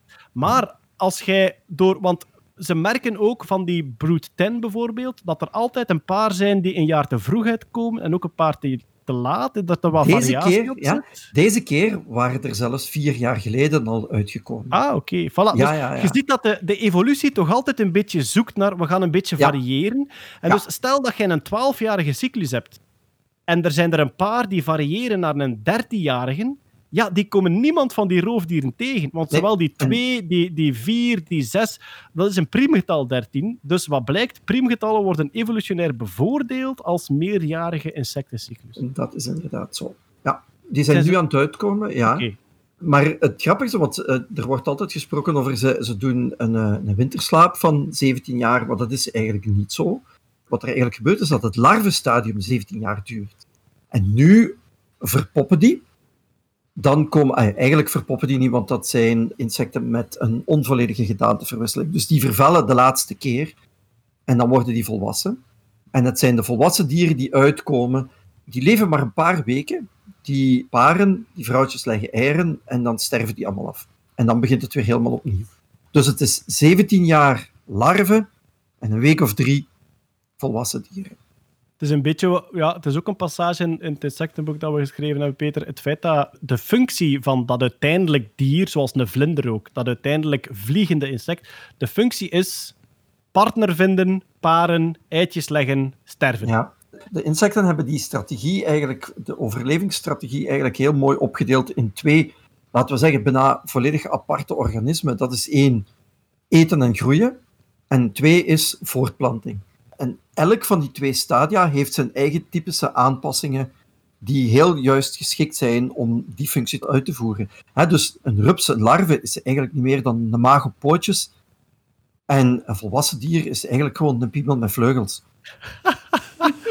maag op pootjes en piemel. Dus eigenlijk, Ja. een, een, een rups is een soort opladende batterij. Namelijk, Ja. de functie is, ik moet nu zowel groeien als energie opslaan voor Ja. mijn uiteindelijke vlinderfunctie.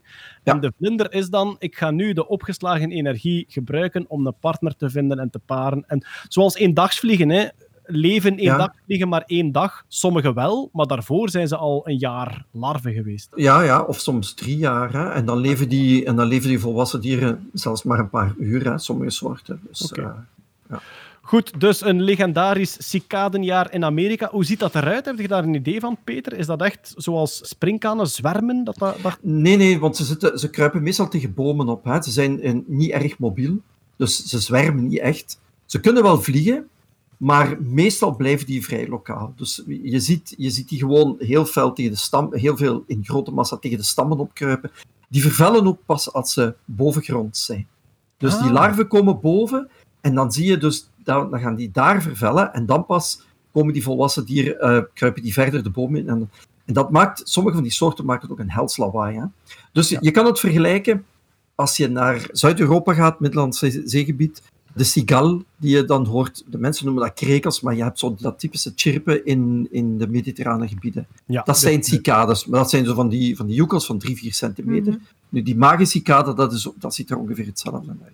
Zijn iets mooier van kleur. Die Europese zijn gewoon bruin, maar deze hebben dan zo van die fel rood of oranje gekleurde ogen, fel gekleurde vleugels, dus eh, die zijn redelijk kleurrijk, ja. En dus die komen eerst bovengronds en dan vervellen ze. En wat ze achterlaten is dan vaak zo'n soort zombie-velletje dat eigenlijk al de vorm heeft van het insect. Ja, dat klopt. En dat kennen we, dat kennen we in België bijvoorbeeld van de, de libellen en de... de libella-larves, ja. Ja, die hebben Ja. het ook. Hè. Zo een, Ja, af en toe in, in de lente, en ja, hopelijk wordt het weer snel lente.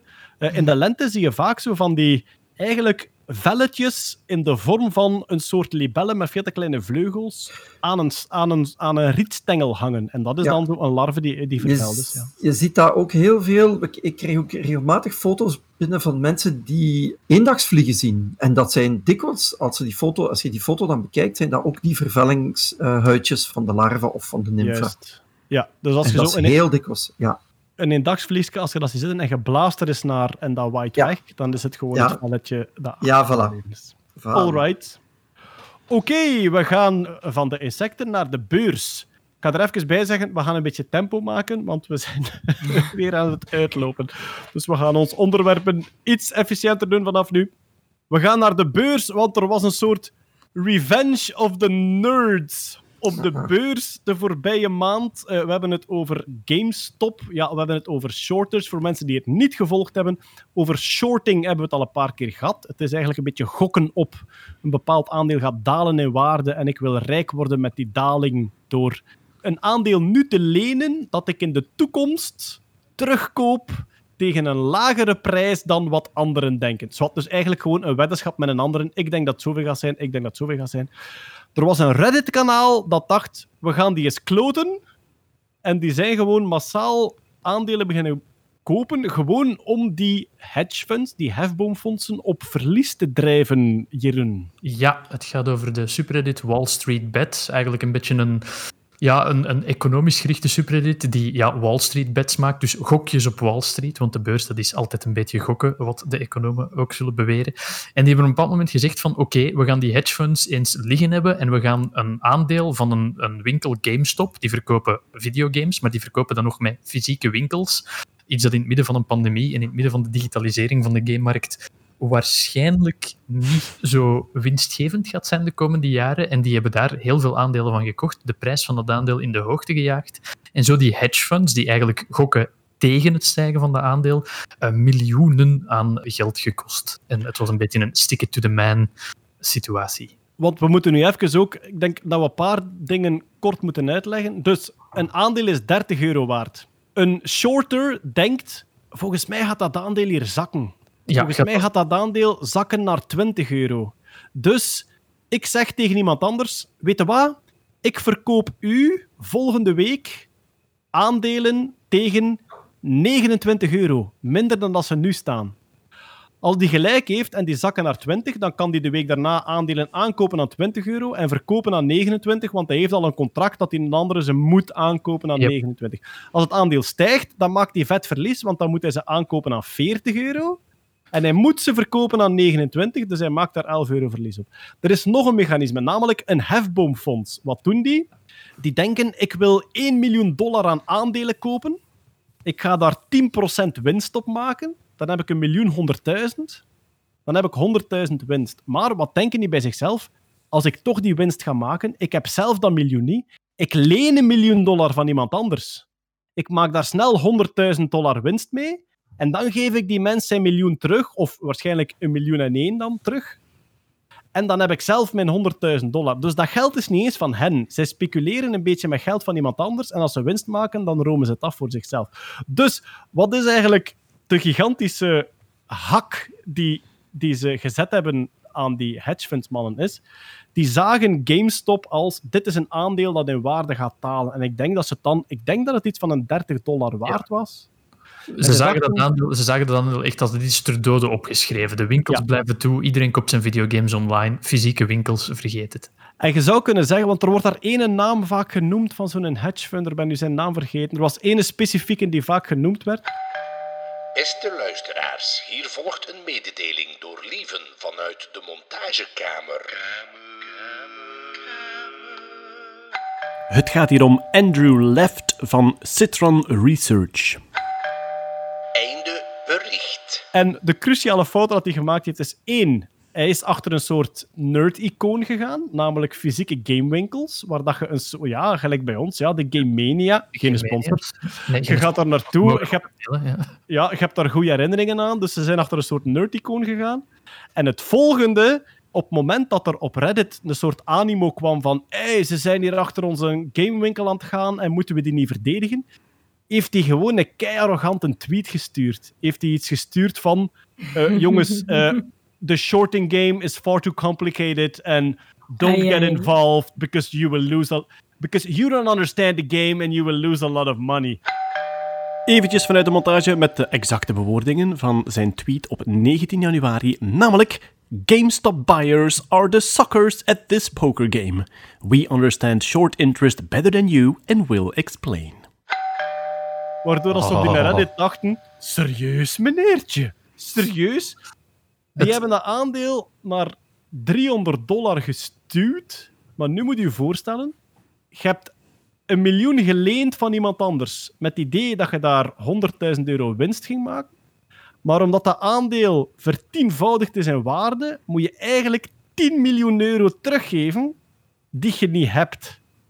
Dus ze zijn, er, ja, ze zijn er wel in geslaagd om die daar... eh, Ja, ook al is het misschien maar tijdelijk, maar om die even een serieuze hak te zetten. Er zijn een paar interessante effecten geweest. Hè. Namelijk, heel veel mensen zijn die subreddit beginnen volgen. En het was heel grappig. Die in-crowd daar noemt zichzelf ook idioten. Ik ga er het Engelse woord dat ze gebruiken niet herhalen, want dat is een woord dat ook kan gebruikt worden voor mensen met een mentale handicap. Maar ja, internettaal. Ze noemen zichzelf idioten, zeggen van wij kennen hier niks van, maar we gaan dat aandeel kopen en we gaan dat houden. Een beetje wat dat je met bitcoin ook ziet. Hè. We houden die prijs hoog, houden, houden, houden. Het is een soort van groepsactiviteit van we zijn idiote dingen aan het doen op de beurs en we houden het. En een van de andere effecten is, en dat, dat ligt wel een dieper probleem bloot, die hedge funds, die hefboomfondsen, die zijn gaan klagen bij de overheid van ja, kijk, dit is marktmanipulatie, dit mag niet. En dat legt eigenlijk een beetje bloot van kijk, als die hedge funds dat zelf doen, dan is het de vrije markt. En als het tegen hen is, dan is het marktmanipulatie. En dat ligt eigenlijk een beetje bloot dat het hele economische systeem, het hele beurssysteem, eigenlijk altijd al een beetje gestakt is tegen de kleine belegger, tegen de kleine man. En dat is nu wel een, een, discussie die opkomt. Heel veel mensen in Amerika gebruikten ook een app, Robinhood. Dat is een app waarbij je zonder commissie, denk ik, aandelen kunt kopen en verkopen. Hier is dat ook onder andere namen bekend de eigenaars van die app hebben op een bepaald moment gezegd van ja, kijk, wij gaan de, de trading van die aandelen van GameStop gaan wij stopzetten, want de situatie loopt uit de hand. En ook daar is heel veel kritiek op gekomen van ja, als de vrije markt echt zijn vrije loop moet gelaten worden, dan moet iedereen op elk moment zijn aandeel kunnen kopen en verkopen. En dat kon nu niet meer. En daar denk ik, is denk ik terecht een reactie op gekomen van dat het financiële systeem, kijk naar de crisis uit 2008, eigenlijk nog altijd in stand gehouden wordt door uh, ja, moet ik het zeggen, grote krokodillen die met geld heen en weer smijten, terwijl het eigenlijk met dagelijks beleggen nog heel weinig te maken heeft. Wel, de basis van beleggen is, ik geef u fondsen waarmee jij meerwaarde kunt creëren en dan delen we de meerwaarde. Dat is het, het oude, nobele bankieren. En shorting staat daar mijlenver vanaf. Dat is gewoon echt een weddenschapje. Zeg, ik denk dat dat gaat dalen. Jij denkt dat dat gaat stijgen. Hier, weddenschapje. Je hebt niets van meerwaarde gecreëerd. Er zijn geen fabrieken gebouwd. Je hebt geen diensten aangeboden. Helemaal niets. Je hebt gewoon ja, centjes afgeroomd van de game. Hè. In het cijferspelletje heb je cijfers op uw Excel-sheet geschreven. En dat is eigenlijk alles. Nu, nu dat Marianne hier toch zit, en ik weet dat we gingen vooruitmaken, maar ik vind het zo interessant. Ik ben in het Wikipedia-hol gevonden van high-frequency trading. Van die automatische trading. Dat op basis van... En ik, ik heb ontdekt dat Intel verkoopt computerchips, maar een segment van hun fabrikagebatch die geweldig goed presteert, verkopen ze aan een enorme prijs door aan mensen voor wie elke nanoseconde rekentijd het verschil kan betekenen tussen een miljoen winst of een miljoen verlies. En ik vond dat zo interessant. Uh, dus als je, als je kort een uitweiding kunt doen, als dat mag, lieve, please. Ja, Wat je moet weten is eigenlijk dat alle chips die worden gebind. Dus als een chip uit de fabriek komt, dan werken die niet allemaal even goed, omdat er kleine productievariaties zitten. En dat zijn eigenlijk heel kleine variaties, maar die hebben een heel grote impact. Gaat de ene chip uh, misschien 10% snellere frequentie kunnen draaien dan een andere chip. En zelfs als je nu vandaag een computer gaat kopen, hè, je wandelt de computerwinkel binnen, dan zal daar een Intel Core i5 aan één frequentie staan, een Core i5 aan nog één en een Core i7 aan, enzovoort, aan andere frequenties. En de ene kost 100 euro, de andere 300, 500 en 1000 euro. Dat zijn vaak allemaal exact dezelfde chips. Maar degene die het best uit de fabriek komen met de hoogste snelheid, daar vragen ze gewoon twee, drie, vier keer meer geld voor dan degene die er slecht uitkomen. En dat gebeurt natuurlijk zeker naar Wall Street en zo toe, want daar maakt Intel zijn allergrootste winsten. Toen ik bij Intel werkte, dan hadden we elke kwartaal zo van die grote show hè, van de CEO en de kwartaalresultaten. En daar werd altijd van gezegd hoeveel omzet we hadden en hoeveel marge. En die omzet was veel groter in, in ja, de, de general purpose markt. Maar de marge daar was altijd heel klein. En dan alles dat te maken had met rekenservers en zeker die voor Wall Street. Die omzet is heel klein, maar die marges die waren gigantisch. Ja. Wat, wat je dat eigenlijk mee kunt vergelijken is, stel, als we teruggaan naar... Ik vind economie altijd het meest begrijpelijk als je teruggaat naar een soort landbouwmaatschappij. Je hebt twee steden op een paar tientallen kilometer van elkaar en in ene stad staan de patatten 10 euro en in de andere staan ze 11 euro. Als jij erin slaagt om ze aan te kopen aan 10 euro en te wandelen naar de andere stad en ze te verkopen aan 11 euro, dan maakt je gemakkelijke winst. Nu, in computertijden is het aankopen op één plek en het verkopen op een andere plek is razendsnel geworden. Dus wie maakt er die winst? De eerste die in een andere stad geraakt. En dat is ook de reden waarom dat er miljoenen uitgegeven worden om een kortere fysieke internetlijn tussen Amerikaanse steden te leggen. Als een aandeel of gelijk welke goederen een centiem goedkoper staat in New York dan in Chicago, dan kun jij, als jij de snelste internetlijn hebt, heel snel winst maken door ze op één plek aan te kopen en de andere te verkopen. Maar omdat jij dat doet, herstel je heel snel dat evenwicht. Dus het is simpel. Wie dat eerst is, maakt de winst. En wie dat tweede is, is te laat. En dat komt dus op milliseconden, nanoseconden aan. Dus zowel de lengte van de internetlijn. Er is ooit een gigantisch project geweest om een internetlijn door een berg te boren. In Daar is, daar is ook van- een hele schone film van. De naam ontschiet mij nu, maar daar kun je heel goed zien op wat ze allemaal optimiseren. Inderdaad, door die berg boren, maar dan ook algoritmes die sneller die, die data kunnen decoderen en zo. En dan die, die chips. Ja. Aanvulling vanuit de montage, de documentaire waarvan sprake heet Money and Speed Inside the Black Box. Er was op een bepaald moment een gigantische vastgoedhype om gebouwen te kopen dichter bij de beurs van New York, Ja. omdat je dan minder kabel nodig had.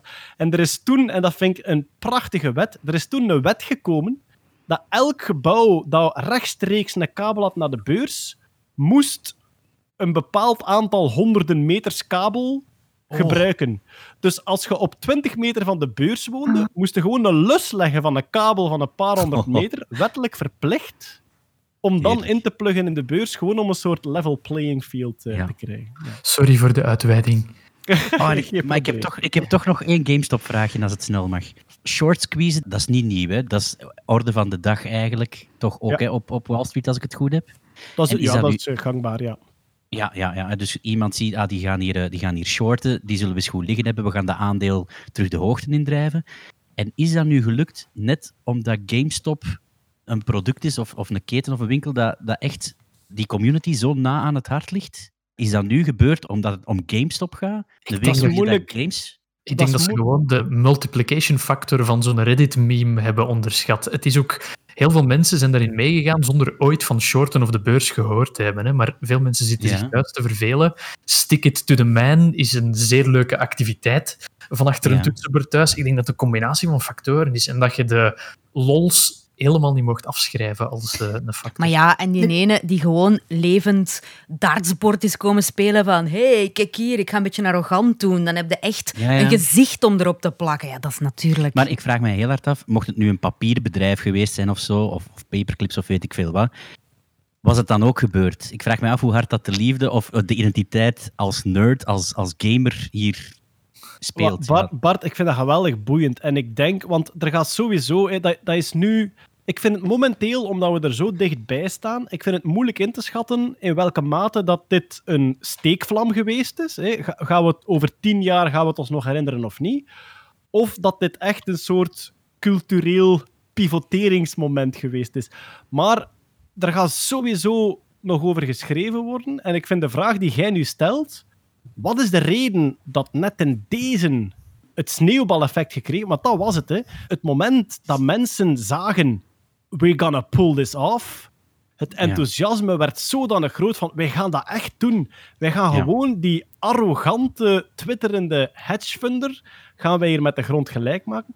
En dan nog, want er zijn nu al heel veel mensen geïnterviewd die daar ook aan deelnamen. Sommige daarvan zaten erin voor de winst. Sommigen dachten gewoon van, Ja. wacht een keer, hier is een hype. Als ik ik kan kopen aan 290 en verkopen aan 300, mag ik mijn winst. En dat was de enige reden. En gaat ook mensen die gewoon in een interview zeggen, ik I'll heb het gekocht. Ja, Ja. ik heb het gekocht wetende dat het in het komende jaar gaat kelderen. Maar I'm in it for the game. Ik bedoel, wij hebben nu ja, een beetje dat, dat musketierschap. Dus de psychologische drijfveer waarom dat dit zo'n sneeuwbal geworden is, vind ik geweldig boeiend, sowieso. Ja. Er zijn zelfs Amerikaanse collega's van mij die hebben meegedaan. Dat zijn dan illustratoren. Dat zijn nu echt mensen die totaal niks kennen van de beurs of van financiën. Wij zijn daar notoire slecht in. Maar die echt gewoon mee zijn gegaan. Just to stick it to the man. Ja, gewoon het gevoel van, ik was hier deel van. Ik was deel van de rebellie tegen de arrogante hedge funds. Ja. En we hebben het al eerder gezegd, maar vermoedelijk heeft lockdown timing er ook wel iets mee te maken, niet? Zou heel goed kunnen, ja. Voilà. Ik vraag mij iets af. Ik ben sinds een tijdje verslaafd aan de Dan Carlin podcasts. Ik weet niet of dat iemand ze kent. Ja, ik ken ze. Oh, Els, miljard. Ze zijn zo verslaafd. Dan Carlin is een Amerikaanse Ah, voormalige radioshow-host. En Die, maakt een- historicus. ja, Ja, die maakt fantastisch. de podcast Hardcore History. En dus wat krijg je dan?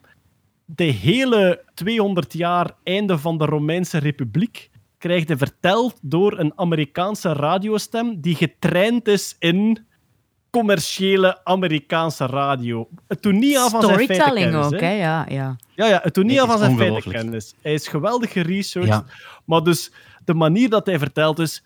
And then, what, what did Solid do? This big emperor, what did he do? He said, okay, I gotta control the masses. En hij vertelde op die manier. Het is geweldig verslavend. En ik vraag me niet af... Ja. Ik heb de indruk dat ik een beetje van zijn intonatie aan het overnemen ben, nu in de podcast. Zwat. Maar dus, als het gaat over zo geschiedschrijving en wat is er gebeurd, ik hoop dat er ooit gewoon een soort Dan Carlin-verhaal komt over GameStop. Wat was het nu? Ja. Wat waren de drijfveren? Wat weten we wel en niet? Wat de is de speculatie? opgekocht. Hè? Er heeft al een, een grote Amerikaanse filmstudio gezegd van we gaan hier een film over maken. Ah, is het echt? Ah ja, oké, voilà. Ik wil gewoon nog juist zeggen, hij heeft een fantastische aflevering eh, waarin hij uitlegt waarom het leger van de Duitsers in de Tweede Wereldoorlog inferieur was aan het leger van de Duitsers in de Eerste Wereldoorlog. Dat is heerlijk. Dat is heerlijk. Ik heb er nog maar twee gehoord, enfin twee episodes. Ik heb het beleg van Münster gehoord. Miljard, wat was dat? hè? Het beleg van Münster was een soort protestantse secte met groepseks en verafgoding die een hele stad overgenomen heeft. Enfin, fantastisch. En nu ben ik bezig aan Death Throes of the Republic. Met eh, Sulla en Julius Caesar. En eh, Pompeius Maximus. En, oh, het is echt eh, het is fantastisch. Dus ik kan het iedereen aanraden. Ik geef wel een waarschuwing. Zorg dat je tijd hebt, want elke podcast duurt twee uur en een half en er zijn er 60. Maar ze zijn wel bijzonder goed. Bon, we gaan verder met deze podcast. En wat hebben we hier staan, Stefanie? Een primeur in de transplantaties. We hebben het al gehad over vele transplantaties, maar wat is er de voorbije maand gebeurd? Transplantatie van een gezicht en beide handen. Klopt. Ik denk Dit dat het over een, een, een brandslachtoffer ging hier. Hè? Ja, het gaat over een man die een verschrikkelijk verkeersaccident heeft gehad en die voor 80% verbrand was. Dat waren derde graads brandwonden en normaal gezien met dat percentage overleeft je het niet. Dus het is al een wonder dat hij dat heeft overleefd. Hij ja, die is natuurlijk eh, enorm veel al geopereerd geweest. En op een bepaald moment ja, waren ze in dat bepaald ziekenhuis waren ze eigenlijk uit, ja, uitbehandeld, zeg maar. En dan is die doorverwezen naar een specifiek transplantatieziekenhuis, waarin dus nu voor de allereerste keer een dubbele hand- en gezichtstransplantatie is gedaan en gelukt. Dat is al twee keer geprobeerd, maar die vorige twee keren is dat niet gelukt. Je hebt een filmpje doorgestuurd ook. Enfin, twee Ja. filmpjes. Eentje met gewoon een animatie van Mhm. wat er gebeurd is. En eentje met interviews met de persoon zelf. Ja, Ze zijn alle twee bijzonder indrukwekkend. Ze komen sowieso in de show notes maandoverzicht.nerdland.be. Maar die animatie van wat er gedaan is, ja. Eh, Hij valt van, u, van uw stoel, hè?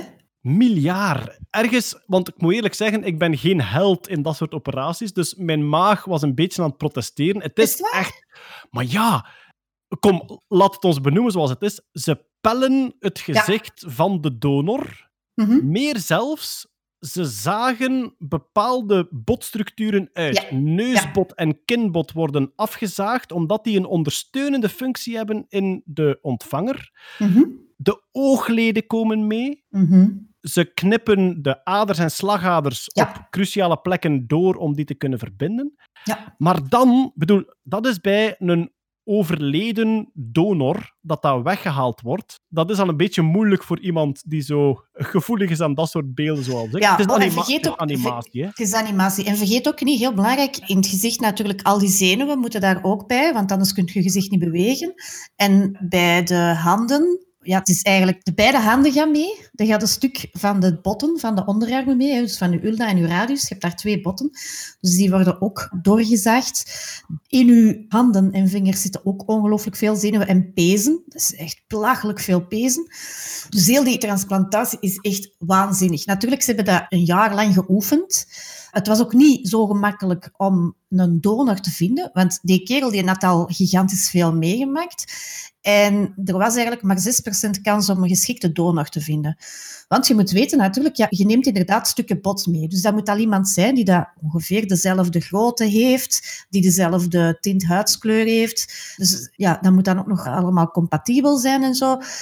Er waren zes teams Dus we hadden twee operatiekamers, eentje voor de recipiënt, eentje voor de donor. En dan voor elk hand en voor elk gezicht was daar ook een team. Uiteindelijk is het allemaal vrij snel gegaan. Het was maar een operatie van, ik denk, 24 uur.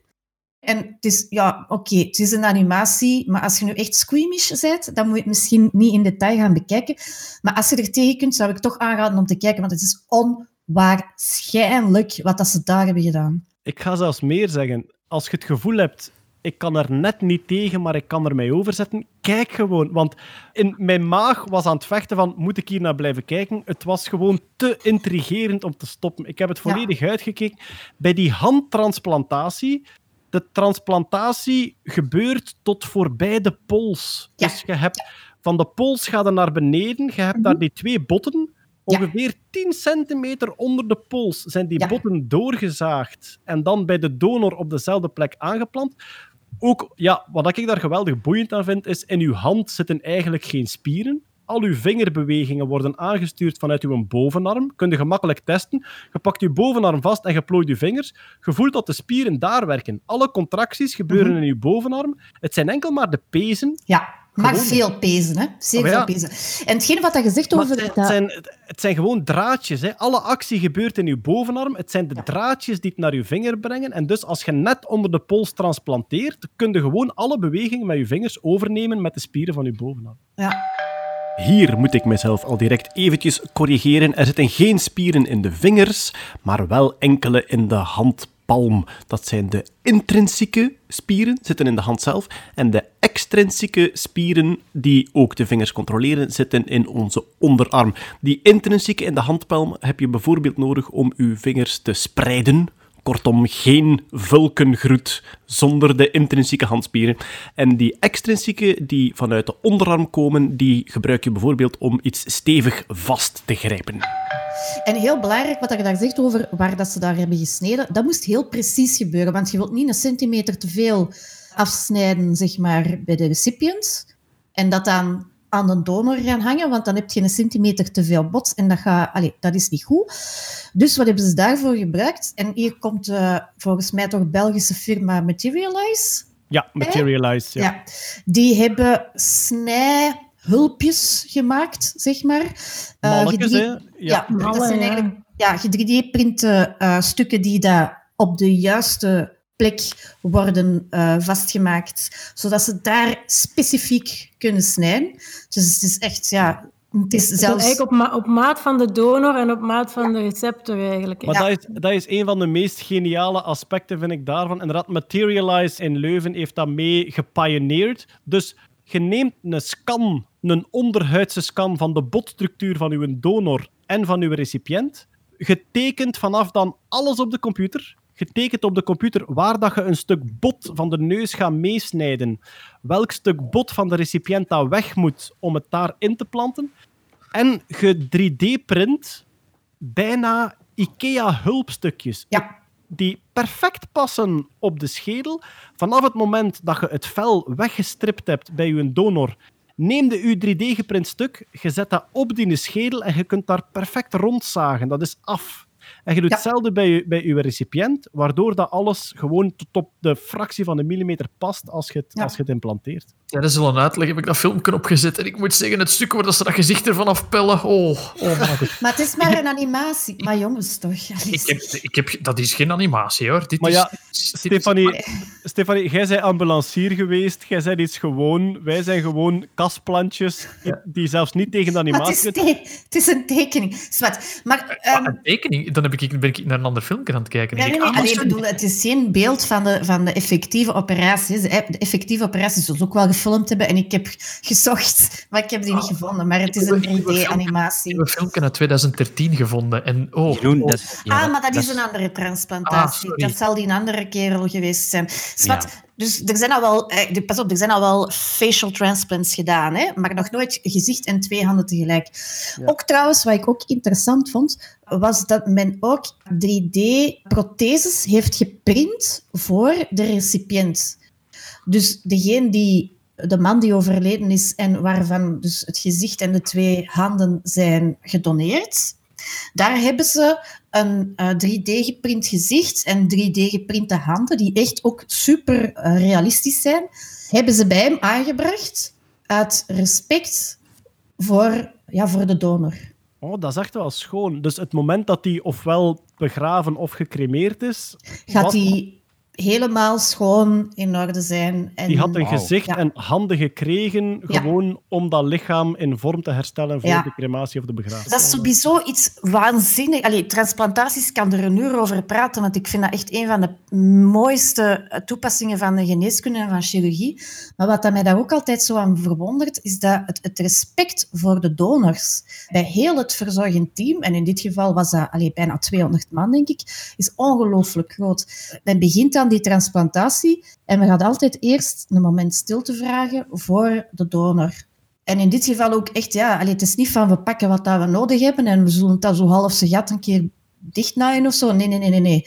Die donor die wordt zo goed mogelijk opgelapt. Er is een fragment in een van de reeksen van Topdokters. Is er een fragment waarin dat effectief een donor, ja, die op dat moment, ik denk, volledig hersendood is gelijk waar, maar waar dat ze het hart van nodig hebben.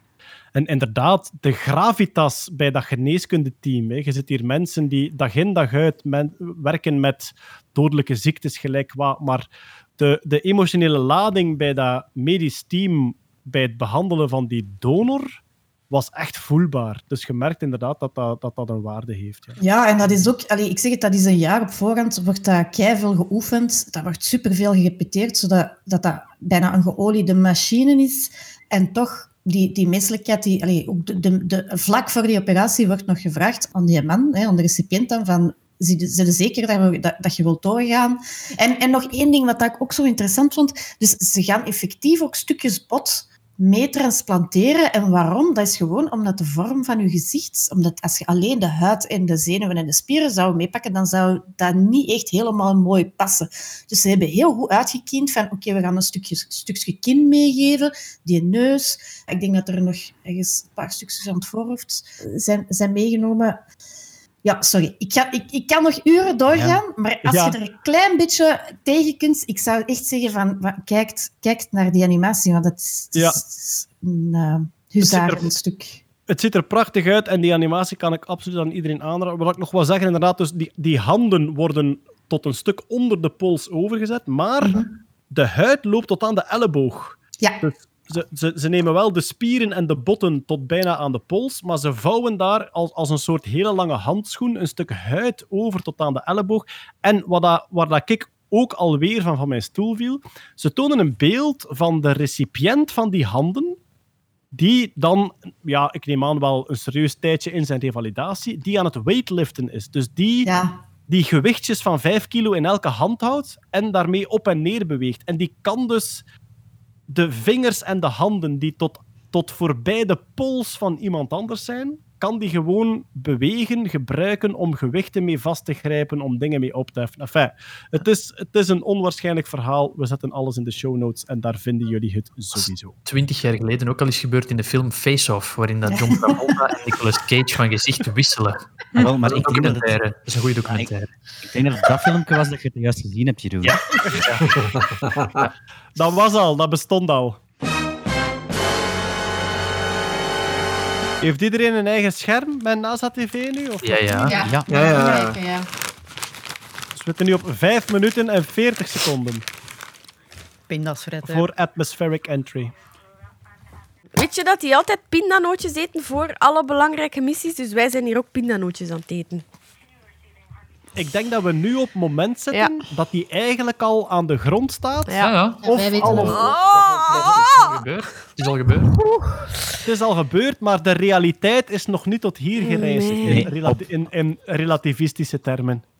Atmospheric entry. Right now. Oh. Oh, zie, ziet die kerel zijn beentje wippen? Ziet dat? Mannetjes toch. Peak deceleration is nu bezig. Of was Oké. elf minuten geleden bezig. Hij is al aan het remmen op atmosfeer nu. Ja. Ik vind dat wel heel verwarrend met die 11 minuten. Dat is dingen die je niet mocht zeggen als je astronaut wilt worden. Ik snap het niet. Sorry, sorry. zo. Als ik van Mars naar huis wil bellen, dan gaat dat... Allee. Dat is een breekpuntje voor mij, jongens. Oh, Yes, yes. Parachute deployment. En een juichmomentje. 12 kilometers, dat is niks, hè? Dat is niks. Ah. En dan nu de Sky Crane. De Sky Crane! hij zegt ja, Goh, ja, allee. ja. Oh my god, die Radar stilte. lock. Er is geknik, er is geknik. Oké. Ze zijn er nog gerust op. Applausje. Radar lock ook Oké, in orde. Zeg, ik kruip er eens in, jong.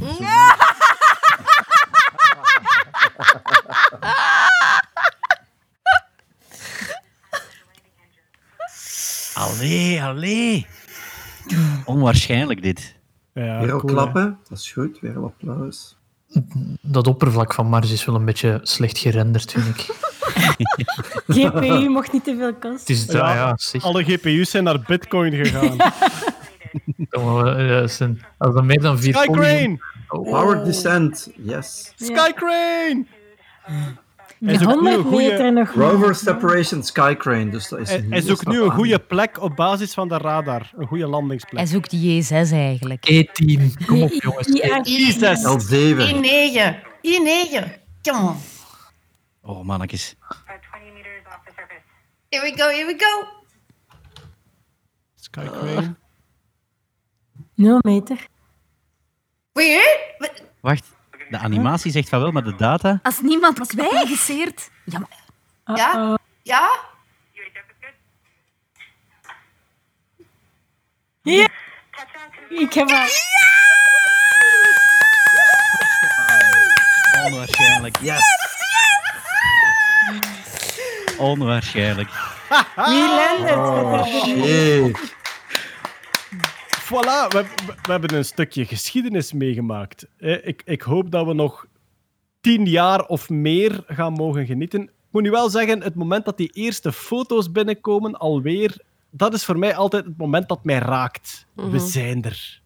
Ja. Die prachtige eerste slecht gepixeleerde foto's. Maar dus, er staat een nieuwe rover op Mars, de Perseverance. Wij hopen er nog zeer lang van te kunnen genieten. De landing was spannend en uiteindelijk zeer vreugdevol als einde. En nu die rover op Mars geland is, denk ik dat Bart van Peer de ideale overgang heeft naar het volgende item van deze podcast. Ja, we gaan nu naar iemand die niet op Mars staat.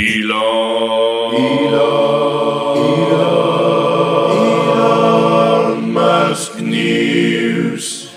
Eh, ik weet niet of het een primeur is, maar ik denk het wel. Maar ik denk dat we het Musk-nieuws gaan beginnen met nieuws over Bezos. Het is wat hij altijd al gewild heeft, eindelijk. En net, net omdat hij nu gekregen heeft wat hij gewild heeft, ehm, ja, zwaait hij af. Want Jeff Bezos eh, is deze man bekend geworden. Op 2 februari is het aangekondigd. Die stopt als CEO van Amazon. Hij heeft het bereikt. Dat vind ik altijd moeilijk voor mijn... Ja, ik heb een hoofd dat niet goed thuis is in economie en bedrijfskunde. Hij stopt als CEO, maar hij blijft wel, denk ik, dan hoofdaandeelhouder en ja, reden waarom hij de rijkste mens ter wereld is. Hetzelfde met Bill Gates. Ik denk dat hij nog altijd wel fortuin maakt door Microsoft, maar daar al lang niet meer de CEO is. Hoe, moeten we dat nu zien? Hij stopt als de man die de dagdagelijkse leiding van het bedrijf heeft. Naar eigen zeggen, om, eh, hij zegt van ik heb nog nooit zoveel energie gehad als nu. Dit is zeker niet mijn pensioen, maar ik wil meer van mijn tijd steken in mijn filantropische initiatieven over miljardairs en hun filantropie. Daar ga ik een apart boekje over open doen in een andere podcast.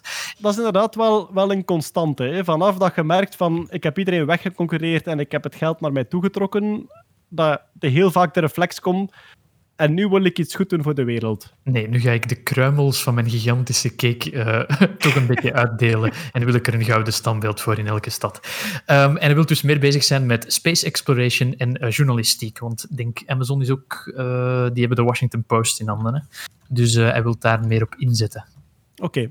Nog steeds de rijkste man ter wereld. Ik check het even op ja, onze, de nieuwe site die we vorige keer eh gementiond hebben. Op Forbes.com, de real-time billionaires.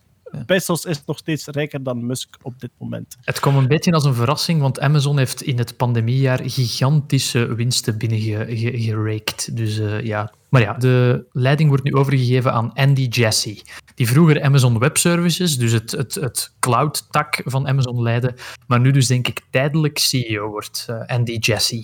Ja, en volgens, volgens de InCrowd ook iemand die eigenlijk al jarenlang een beetje de schaduw van Bezos is, die, hem overal, die overal aanwezig is als adviseur. Dus die, die de werking gigantisch kent en die dus de dagdagelijkse taken vrij seamless kan overnemen, omdat hij overal Jeff al gevolgd heeft op zijn taken. Ja, welke gevolgen dat, dat gaat hebben, dat zullen we dan ja, in de komende maanden en waarschijnlijk jaren moeten bekijken. Hè. Maar los daarvan, uiteraard nog steeds Musk-nieuws over Musk zelf. Wat hebben we allemaal staan? Ten eerste, SpaceX wil dit jaar nog een lancering met vier burgers, zoals ze dat noemen. Hè. We gaan vier burgers lanceren. En goed, aangezien... De Giant, de Big Mac. Ja. En wel ja, gezien dat ze de voorbije jaren al een kaasbol en een cabrio gelanceerd hebben, zouden kunnen denken dat ze nu inderdaad gaan voor effectief Big Macs. Maar nee, ze willen vier mensen lanceren zonder langdurige astronautenopleiding. En lieven, mogen die afgekeurd zijn voor de aanvraag van ESA? Ik heb slecht nieuws, Bart. Het moeten Amerikaanse staatsburgers zijn. Oh. Ja. Er zijn vier plaatsjes en die worden ingevuld door... Eigenlijk drie plaatsen zijn al ingevuld. Eh, ten eerste is daar Isaac Man. En Isaac Man is een rijke tech-ondernemer die eigenlijk de missie gekocht heeft en die gezegd heeft van kijk, ik ga vliegen. En dan mogen er nog drie mensen mee. Die heeft daar onmiddellijk ook een soort charity-project van gemaakt en gezegd van kijk, er is een soort tombola. Iedereen die in februari, alle Amerikaanse staatsburgers die in februari geld doneren aan het St. Jude Children Cancer Research Hospital, die maken kans op een vluchtje. Dus een tombola-systeem, en enfin, een tombola-systeem is geweldig slim. Meer zelfs, mijn vrouw, vroeger deed hij de research voor tentoonstellingen en die heeft een tentoonstelling gemaakt over loterij en tombola in Vlaanderen. En dus de tombola is ooit uitgevonden door een kasteelheer die zijn kasteel in Vlaanderen, hè, die zijn kasteel niet meer kon betalen. En die zei, in plaats van het te verkopen, doe ik een tombola. Je kunt lotjes kopen van 10 euro, ik zeg maar iets. En voor elk lotje, van al die lotjes, trek ik een winnaar en die krijgt heel het kasteel. En wat bleek achteraf? Hij had meer winst gemaakt met die tombola dan de waarde van het kasteel. Dus hij heeft onmiddellijk, nadat de winnaar het kasteel kreeg, het kasteel teruggekocht met de winst van de tombola. Wauw. Dus En, de naam van die kasteelheer was François Tombola. je, moet dat niet op, je moet dat niet opzoeken. Dat klinkt goed. Nee, ik denk zelfs, ik denk zelfs dat, het, dat het Aldenbize was in Limburg. Maar ik ben niet Huh? zeker. Dus het was inderdaad kasteel Aldenbiezen. We voegen het verhaal De Loterij van Aldenbiezen toe in de show notes. Nerdland, vage weetjes die we achteraf wel eens opzoeken. Want op café kan dat niet. Daarom hebben we een podcast. At podcast.be, hè? At nerdland.be. Ah, oei. Punt. Nerdland.be.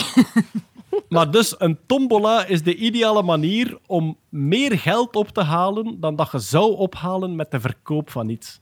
En dus dat heeft hij nu gedaan. Hè. Die eh, Isaac Man heeft een soort tombola. Iedereen die geld doneert aan dat goede doel, aan het St. Jude Hospital, die maakt kans op een vlucht. Ik denk dat ze hopen op 200 à 300 miljoen dollar, dat ze daarmee gaan ophalen. Dus wie zijn de andere passagiers? Ten eerste Isaac Man zelf.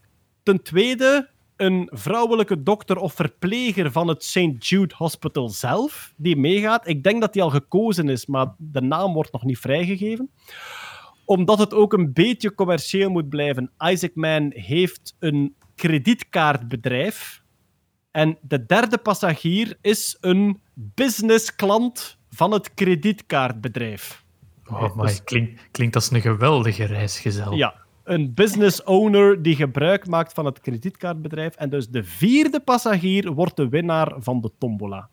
En dat zou dit jaar nog moeten vertrekken. Eigenlijk vier niet-astronauten die in een Earth orbit van, ik denk, enkele dagen gaan. Dus ze gaan in ja, een, een baan rond de aarde, enkele dagen, met een SpaceX-raket. Dat zal met de Crew Dragon zijn dan, denk ik. En dan komen ze terug. Is nog gepland in Musk Time, zeggen we er altijd bij, voor dit jaar. Tja, we gaan zien wat dat geeft. Verder van SpaceX nieuws, we hebben een Starship-test gehad. Ja. Dus Starship heeft een, een hop-test gedaan vorige maand, eh, deze maand opnieuw. Beetje hetzelfde scenario. De vlucht ging goed. Volgens wat we horen van SpaceX is er zeer interessante en ook succesvolle manoeuvres en data uit de testvlucht gehaald, maar ontploft bij de landing. En ik heb live Ja. Ja, wij Ja. ook. ik heb live zitten kijken en ik had toch de indruk dat de toon iets teleurgestelder was dit keer. Als zijnde die vorige ontploffing bij de landing, voelde ik een soort sfeer van dit was echt een succesvolle vlucht en die landing is nu onze volgende uitdaging. En ik had nu het gevoel, maar het is heel persoonlijk, ik had nu het gevoel dat de toon was dit was een succesvolle vlucht en we hadden eigenlijk gehoopt dat de landing dit keer ook Ja. gelukt was. Ja. Ik, ik vond ook dat de vorige bijna-landing er beter uitzag dan, dan de bijna-landing nu. Deze ging heel snel, hè, nu, vond ik. Deze ging heel snel, Ja. ja. Dus, en was er een verschil in, in techniciteit? Deze keer is het een van de motoren die het heeft laten afweten. Ik denk dat hij hoger was, hoor. Ik denk dat hij hoger was, deze vlucht. Ik ben niet helemaal zeker, maar ik Ah. denk dat het een, een hogere vlucht was dan, eh, dan de vorige keer, ja. Nou. Hij was nog eens alleszins bekijken. of een pak verder van zijn ideale eindpositie af deze keer dan vorige keer. Ja, En, en de, de neerwaartse snelheid leek mij ook een pak hoger Ja. dan vorige Dan- keer. de landing zag er slechter uit, ja. Maar er is Ja. dus sowieso nog werk aan de winkel. Maar ja, bon. Het lijkt er wel op dat we eh, het komende jaar nog wel een paar Starship-testvluchten gaan zien. Hè. Maar al misschien- toch ook wel ferm en emotioneel om te zien. Hè? Wij hebben ook live gekeken. Ik, ik, ik vind dat toch ook wel indrukwekkend, zo, wat hij daarmee aan het doen is. En dat is Ja. dan alleen nog maar dat bovenste topje van zijn hele Starship-idee, dat hij hier aan het testen is. Ik vind dat wel ferm. Ja, dat klopt, want inderdaad, Hetty, de, we zijn bijna vergeten, maar de tekeningen die we nu al zien van de volledige raket, is dat Starship, ja, wat is het, een derde of zo? Daaronder komt nog eens een stuurraket, Ja. die twee keer zo lang is. Hè. Dat, 70 eh, meter lang of zo, hoog dan. Ja. Ja. Ja, voilà. We volgen het op sowieso voor de volgende fases van de Starship-vlucht. Verder in de wereld van Elon Musk. Hij doet een beetje raar met de bitcoins. Nee. Oelala. Jeroen, Ja. we, hebben het, we hebben het daarnet al gehad over bitcoins en over het feit dat wij heel graag ingaan op de technische en zelfs wiskundige kant daarvan. Maar de beurskant, daar krijg ik een punthoofd van en daar, ja, daar ga ik eigenlijk niet echt in mee. Maar Musk, ten eerste, misschien moeten we dat eerst zeggen, Musk heeft zich ook via Twitter een beetje gemengd in die GameStop Ja, was- hij, hij nam de kant van de, laten we zeggen, de redditors om te zeggen van ja, kijk, ik doe mee met de hype. En ik denk dat hij de dagen daarna ook geprobeerd heeft een andere cryptomunt, de Dogecoin, waar dat zo die Japanse Shibu Inu, dat is een hondje, dat is een munt die gemaakt is als de grap. En Musk heeft die proberen te pimpen om die ook in prijs te stuwen naar, ik denk, 1 dollar cent of 2 dollar cents, om een beetje, ja, denk ik, mee in het drama te gaan van wij kunnen alles dat we willen op het internet hier.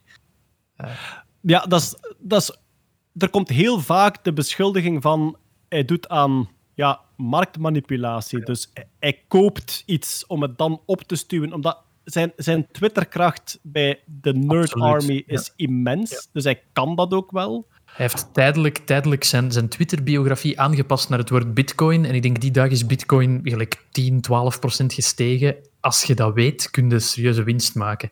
En dan kwam later in de maand ook de aankondiging, ik denk rond 9 februari ongeveer, dat Tesla, het bedrijf, een deel van zijn courant geld heeft omgezet in bitcoin. Dus 1,5 biljoen, dat is dus het Amerikaanse billion is miljard in het... eh, Anderhalf miljard, ja. anderhalf miljard van het Tesla-geld zit nu in bitcoin. En dat heeft ja, de munt ook bizarre hoogtes ingedreven. En is ook een van de vele aankondigingen van de laatste maanden die er positief zijn voor Bitcoin. Hè. PayPal gaat Bitcoin-betalingen toestaan in bepaalde markten.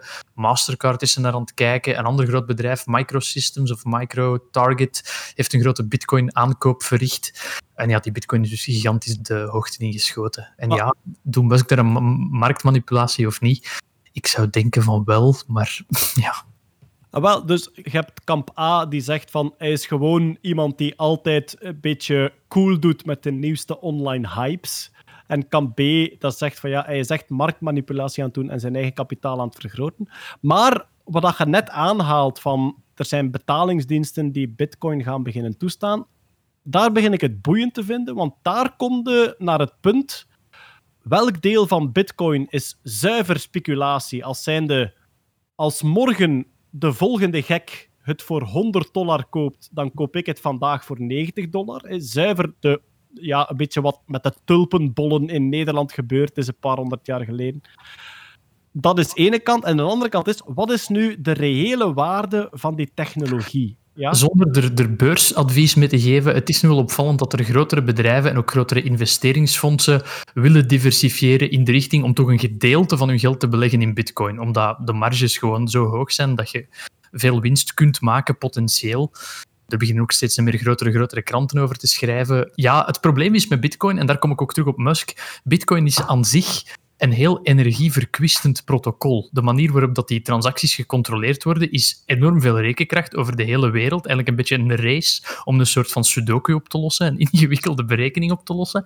En het is een beetje een spreidstand dat Musk langs de ene kant elektrische wagens verkoopt om het milieu te sparen, en langs de andere kant dan 1,5 miljard investeert in een technologie die momenteel, denk meer energie verbruikt dan een middelgrote Afrikaanse staat. Um, dus... Er, Ja. werd zelfs, er werd zelfs gezegd deze maand dat de huidige Bitcoin-transacties evenveel energie verbruiken als België, als land. Of dat helemaal klopt, dat zou ik moeten narekenen. Daar Het laatste dat ik lees is meer elektriciteit dan Argentina. Er is ook zo'n soort van... Ah, de Bitcoin Energy Consumption Index. Kunt je zien tussen welke twee landen dat het momenteel zit. Eh, Wel, we gaan dat misschien even kort duiden voor wie onze Bitcoin-podcast nog niet gehoord heeft. Dus hoe gebeurt dat? Om Bitcoin-transacties goed te keuren, moet je een key uitrekenen. Je moet eigenlijk proberen om als allereerste een bepaalde wiskundige bewerking te doen op alle data van die nieuwe transactie. En dat kun je het snelst doen door grafische kaarten te gebruiken. En dus over heel de wereld staan er loodsen vol met grafische kaarten die allemaal proberen om als eerste de juiste key uit te rekenen. En dat kost immens veel stroom. Net zoals uw ene computer stroom verbruikt. Ook Ja, die gigantische loodsen verbruiken geweldig veel stroom. De reden dat dat moet, is om te controleren dat alle bitcoin-transacties geldig zijn. Ik heb 20 bitcoin, ik kan er daarvan 10 aan Lieve geven en 10 aan Marianne. Ik zou willen dat ik 20 bitcoin had op dit moment, maar dat even volledig terzijde. Ja, Het controleren van die transacties zorgt ervoor dat ik er geen 10 aan Lieve kan geven, 10 aan Marianne en 10 aan Peter. Want dan klopt die transactie niet en dan kan er gezegd worden van nee, sorry, eh, die, die portefeuille heeft geen 10 bitcoin meer om te geven aan iemand anders. Dat is eigenlijk het hele proces achter dat rekenen. En in bitcoin werken ze met proof of work. Dus je moet bewijzen dat je aan die pagina heel veel rekenwerk gedaan hebt, de juiste sleutel gevonden hebt en dan heb je een pagina van het grote bitcoinboek uitgerekend en krijg je een kleine beloning. Dat is hoe dat nieuwe bitcoins in het systeem komen, als beloning voor het controleren van de transacties. Dat is inderdaad de reden dat er zoveel grafische kaarten draaien. Als je als eerste de juiste sleutel vindt om een hele hoop transacties goed te keuren, dan krijg je als beloning een bepaald aantal. Ja, het zullen fracties van bitcoins zijn waarschijnlijk momenteel. Maar zo kun je dus eh, eigenlijk bitcoins krijgen voor het werk dat je levert. In plaats van ze te moeten kopen. Nu, als je al die technische details wil weten, dan hebben we dus een Multi Geek special over de Bitcoin gemaakt. We zeggen het er nogmaals bij: beursadvies zal je daar niet vinden. De Bitcoin is gewoon één iemand die uitgevonden heeft. Vanaf nu heb ik ook een munt. En als wij morgen de Poncho Coin Ik ben er uitvinden- bezig. Ik ben bezig aan de Poncho Coin. Ik ben aan het babbelen Tuurlijk. met, eh, met eh, Pieter Wuilen, eh, een oude schoolvriend van mij, die nu aan het Bitcoin-protocol werkt. En ik heb gedacht van, ik wil de meest debiele munt ooit maken. Je, je denkt dat de, Do de Dogecoin een, eh, een, een mopmunt is? Wacht totdat je de Poncho Coin ziet. Het logo is al helemaal in orde. Ik moet de technische details nog, eh, nog, nog uitzoeken. Dat is het moeilijke aan heel die bitcoin. Op zich is het gewoon een uitvinding van iemand die zei vanaf nu is de Flibberty Flopcoin te koop. En wat is ze waard? Wat iemand ervoor wil betalen. Maar we moeten daar wel aan toevoegen. Het principe achter de bitcoin, namelijk de technologie waarmee dat je er zeker van kunt zijn dat niemand elkaar bedriegt zonder dat er een centrale bank is, die is wel ingenieus. Er is wel heel goed nagedacht over de wiskunde en de software, de manieren waarop dat je ervoor kunt zorgen. Want stel dat ik een munt uitvind, de Flibberty Flop munt, en ik zeg, ik heb een papiertje waar dat op staat wie dat hoeveel heeft. Je moet me wel vertrouwen. Als ik morgen mijn papiertje weggooi en ik maak een nieuw, dan is iedereen gejost die ik wil bedriegen. En bij de bitcoin is er een soort wiskundig en informatica systeem waarbij dat onmogelijk gemaakt wordt, zonder dat er één iemand centraal is die het bijhoudt. En dat is, dat is de waarde van de technologie. En daartegenover staat dan de zuivere speculatiewaarde van ik wil er meer voor betalen, omdat ik denk dat er morgen iemand anders nog meer voor gaat betalen. De enige Enfin, manier om bij Bitcoin te kunnen vervalsen is als je meer dan 50% van de rekenkracht van het hele netwerk in je bezit hebt. Maar dat heeft niemand. Dat gaat niet. Zeg maar, dus we hebben nu een, een zeer grote influencer, laten we zeggen, Elon Musk, die er een beetje voor aan het zorgen is dat de bitcoin, dat dat binnenkort wel eens een zeer valabele eh, of valabelere munt zou kunnen worden. En, en dus een, bijna het monetair systeem of het betalingssysteem van voorkeur. Maar we zitten duidelijk met dat chipprobleem. Dus chips gaan schaars worden en zeker ook de metalen, of de edel, niet de edelmetalen, maar de metalen die daarvoor nodig zijn. de zeldzame aardmetalen. Ja. I see where zeldzame aardmetalen. Ja. Ja, dus de cirkel gaat rond zijn. Dus wij gaan een soort Investeren van in palladium. mijn- ja, een, een, een mijn opkopen waarin dat er kindslaven in Afrika oude elektronica uit elkaar Ja, veiligen. ja, dus Elon, Elon Musk is ervoor aan het zorgen dat de cirkel rondkomt. Ik ben, Binnenkort. wat dat ik versta uit Bart zijn betoog is... Als ik in mijn huis uit alle aardingen het metaal haal Ja, en Met ik verkoop dat, dat ik daar van Musk bitcoin voor krijg. ik denk dat dat het de juiste conclusie is. Ja. Tot zover het Nerdland beursnieuws. ja. Waarvoor heb je dat eigenlijk nodig? Op Die eigen risico. Ja. Nee, maar ik heb, mij wel, ik heb mij wel af en toe, ik denk zoals iedereen al is afgevraagd, stel dat ik vorig jaar of twee jaar terug Tesla-aandelen en bitcoin gekocht had, wat dat op dat moment van de meest nerdy dingen waren die je kon kopen op de beurs, dan had ik nu een immense winst gemaakt. Ja. En soms, soms vraag ik me af, waarom heb ik het niet gedaan? En het antwoord is duidelijk.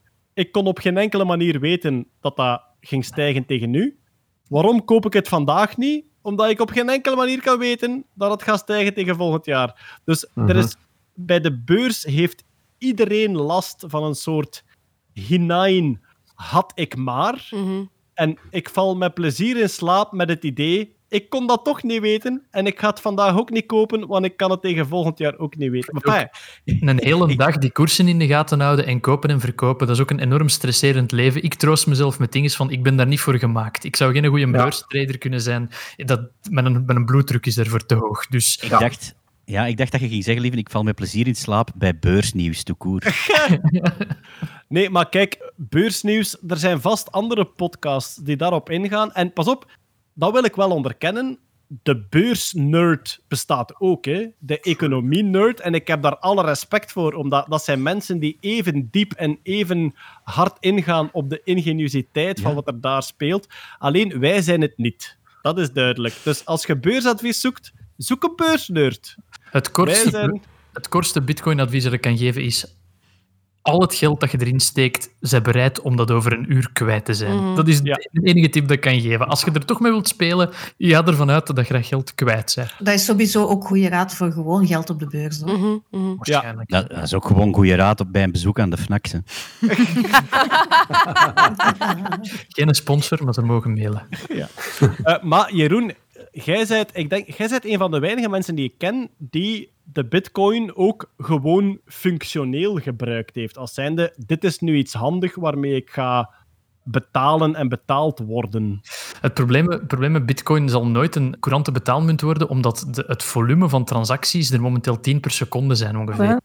Omdat dat is nooit gemaakt om op die schaal te werken. En daar, er zijn wel aanpassingen, maar dat is dan weer in hoeverre wilt je het originele systeem aanpassen. En dat is een hele theoretische discussie geworden. Dus ik denk niet dat Bitcoin ooit een betaalmiddel gaat worden, zoals, I don't know, bankcontact of Proton vroeger. Van even een brood kopen met Bitcoin. Dat is gewoon, Proton, nu moet je ook wat 15 minuten wachten totdat je transactie gevalideerd is. Het gaat daar druk worden bij de bakkers. Hè. Dus dat, allee, dat, daar is het gewoon niet voor gemaakt. Ah, oké, ja, dat is ook wel boeiend om te weten, inderdaad. De bakker die dat tegen een rij van tien mensen moet zeggen. Wachten op de proof of work, mensen. Er is, er is ergens een fabriek in China aan het rekenen of ik dat hier mag verkopen. Ieder- iedereen met zijn grafische kaart naar de bakker. Nee, kom goed, jong. Kom goed. Oké, we gaan verder met het Musk-nieuws. Eh, SpaceX-nieuws. Eh, ja, we hadden al de Starlink, het grote satellietnetwerk van Musk. Maar blijkbaar, Marianne, plant hij daar buiten het internet ook een telefoonnetwerk mee. Bon, ik vind dat op zich wel boeiend. Eh, vroeger hadden we een draadje voor de telefoon en een draadje voor de televisie. En ik herinner mij dat je op een bepaald moment internet kon hebben op het draadje van de telefoon. En daarna kon je ook nog eens een apart draadje voor internet en een apart draadje voor de telefoon. En toen kon je ook internet krijgen op het draadje voor de televisie. Maar waar dat we nu zitten is, alle draadjes zijn data. En op alle datanetwerken kun je telefoon en sms en internet en televisie allemaal samen. Maar Het is dus- gewoon, al- alles is digitaal. Hè? Dus als je digitaliseert en dat gaat als eentjes en nulletjes over die connectie, en of dat dan nu inderdaad internet is, of spraak, voice over IP, of... maakt Of via de uit, hè. post. Kan allemaal. Ja. Nu, ja, wat dat er eigenlijk gebeurd is, is Starlink heeft de FCC, dat is de, in Amerika de Federal Communication Commission, eigenlijk een licentie aangevraagd om een provider te zijn. Dus een telecom-provider. En ze willen dus inderdaad mensen ook een telefoonabonnement kunnen aanbieden. En dat gaat dan over een satelliet lopen als je geen ontvangst hebt, maar dat gaat ook, ook gebruik maken van gewoon landnetwerken. Op het moment dat je ergens komt waar dat er wel bereik is, of dat je naar iemand anders belt, die op het landnetwerk aangesloten is, dan volg je gewoon dat pad. Dus hun satellieten zijn gewoon een deel van hun communicatienetwerk dan. Wat dat ze blijkbaar ook die eh, licentie wouden voor aanvragen, is omdat eh, als je zo'n licentie hebt, dan kun je mensen die minder begoed zijn, dus met een laag inkomen, kun je die een korting geven. Nu, daar werd wel sceptisch op gereageerd op internet, omdat dat is een korting van 10 euro per maand, maar het abonnement bij Starlink is 100 euro per maand. Dus Ja. Zoveel verschil gaat dat nu niet maken voor die mensen. Maar ja, wat ik wel interessant vond, ik had dan eens zitten opzoeken waar kan ik dat eigenlijk al gebruiken, die Starlink. Nog niet die telecomlijn, maar dan gewoon het internet. En dat kan nu in Noord-Amerika en Canada, maar heel binnenkort ook in Australië, Groot-Brittannië, Nieuw-Zeeland en Mexico. Dus ze zijn daar wel heel hard aan het uitrollen. Oké. Dat is echt zo het, het, het testen van dat nieuwe satellietnetwerk dat ze aan het doen zijn. Ja. Er zijn nu duizend satellieten en blijkbaar 10.000 gebruikers. Dus per 10 man heb je nu een satelliet voor je. Ja. Maar En ja, uiteindelijk, want ik hoor zo cijfers van, uiteindelijk willen ze naar 11.000 satellieten voor het volledige netwerk. Ja, ja, ze, zijn dus, ja, ze lanceren nog altijd, ik denk elke maand of, of elke paar Ja. maanden, een hele reeks nieuwe satellieten. Hè? Ja. Ja, Maar dus die landen die ze nu gekozen hebben, dat is ook blijkbaar om de satellieten die nu al in, in orbit zijn, die dekken eigenlijk die landen af. Dus ik denk bijvoorbeeld om dat in bepaalde andere landen te kunnen hebben, moeten ze ook nog satellieten in andere banen lanceren. ja. Maar ik denk dat je nog altijd met, want het Starlink-netwerk had een soort ontvanger nodig ter grootte van een pizzadoos, wordt dan vaak gezegd. Dus Ja. een telefoon op zich is niet genoeg. Als je echt met een boot over de oceaan vaart, dan ga je nog altijd zo een ontvanger nodig hebben ja, van een vierkante halve meter eigenlijk. Ja, en dat kon je dan ook zien aan het abonnement. Als je dat pakt, betaalde 500 euro op startkost. En dat is dan eigenlijk voor die een bak te kopen. Ah, ja, dat wel. En dan duiz- eh, 100 dollar per maand abonnementskost. Ja. Oké, maar dus Starlink wordt niet alleen gewoon internetservice, maar wordt waarschijnlijk ook een telefoonservice. We gaan nog eens terug naar Tesla. Er was een eh, nieuwsberichtje waarvan ik altijd denk: is het nu juist of is het nu opsmuk? er was een nieuwsbericht. eh, Tesla krijgt voor het denk, derde of vierde jaar op rij de perfect rating op de LGBTQ Equality Service. Dus LGBTQ Equality als zijnde in welke mate worden werknemers vanuit LGBTQ community voelen die zich gelijkwaardig, niet gediscrimineerd, welkom enzovoort op de werkvloer. En Tesla kreeg daar een perfect rating op voor het zoveelste jaar op rij. Ja, ik ben daar altijd sceptisch en ik denk, klopt het wel of niet? En ik wil daar misschien even bij duiden. Scepticisme wil niet zeggen dat je het niet gelooft. Dat is een fout die vaak gemaakt wordt. Sceptisch zijn wil niet zeggen, ik geloof dat niet. Sceptisch zijn wil zeggen, misschien is dit waar, maar ik wil even dieper graven. Eh, Els, ik denk dat jij er even naar gekeken hebt, naar Ja. het eh, precieze nieuwsbericht. Ja, het is voor het zesde jaar op rij dat ze die krijgen. En ze zijn daar heel fier op. Nu, dat, dat wil ook wel wat zeggen, hè, want dat heeft iets meer dan ja, gelijkwaardigheid. Dat gaat echt wel ook over eh, zo medische dingen. En zo stel dat je zegt van alle papa's van pasgeboren kinderen krijgen negen dagen vaderschapsverlof. Dan krijgen meemama's dat ook bijvoorbeeld. Zo van die dingen. Dat, zijn, allee, dat is best wel belangrijk. Ook, het gaat over, dat is een lijst met allemaal bedrijven in. En dat gaat over hele grote wereldwijde werkgevers. Dus eh, dat zijn ook heel veel bedrijven, bijvoorbeeld, die, ik zeg maar iets, eh, fabrieken hebben in China of zo. En in hun eh, ja, offshore plekken moeten ook diezelfde regels gelden voor die LGBTQ-werknemers.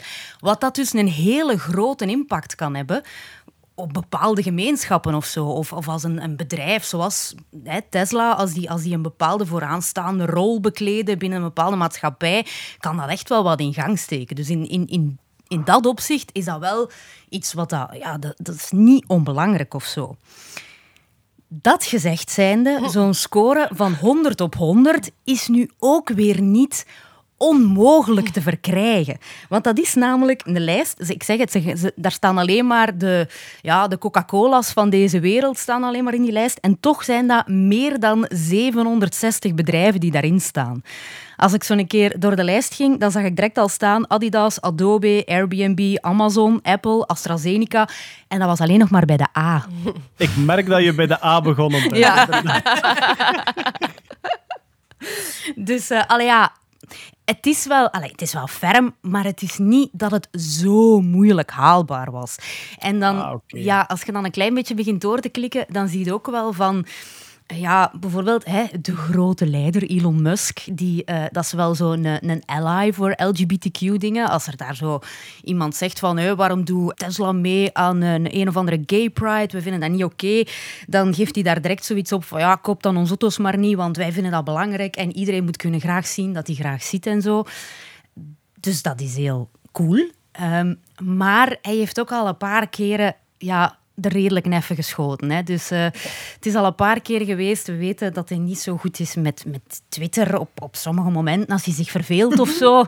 En dan begint hij bijvoorbeeld af te geven op... op zo, heel veel mensen hebben op Twitter zo hun voornaamwoorden staan in hun pronouns. bio. Ja, ja, ja, zo. ja. Hij wil graag aangesproken worden met zij, haar of wat dan ook.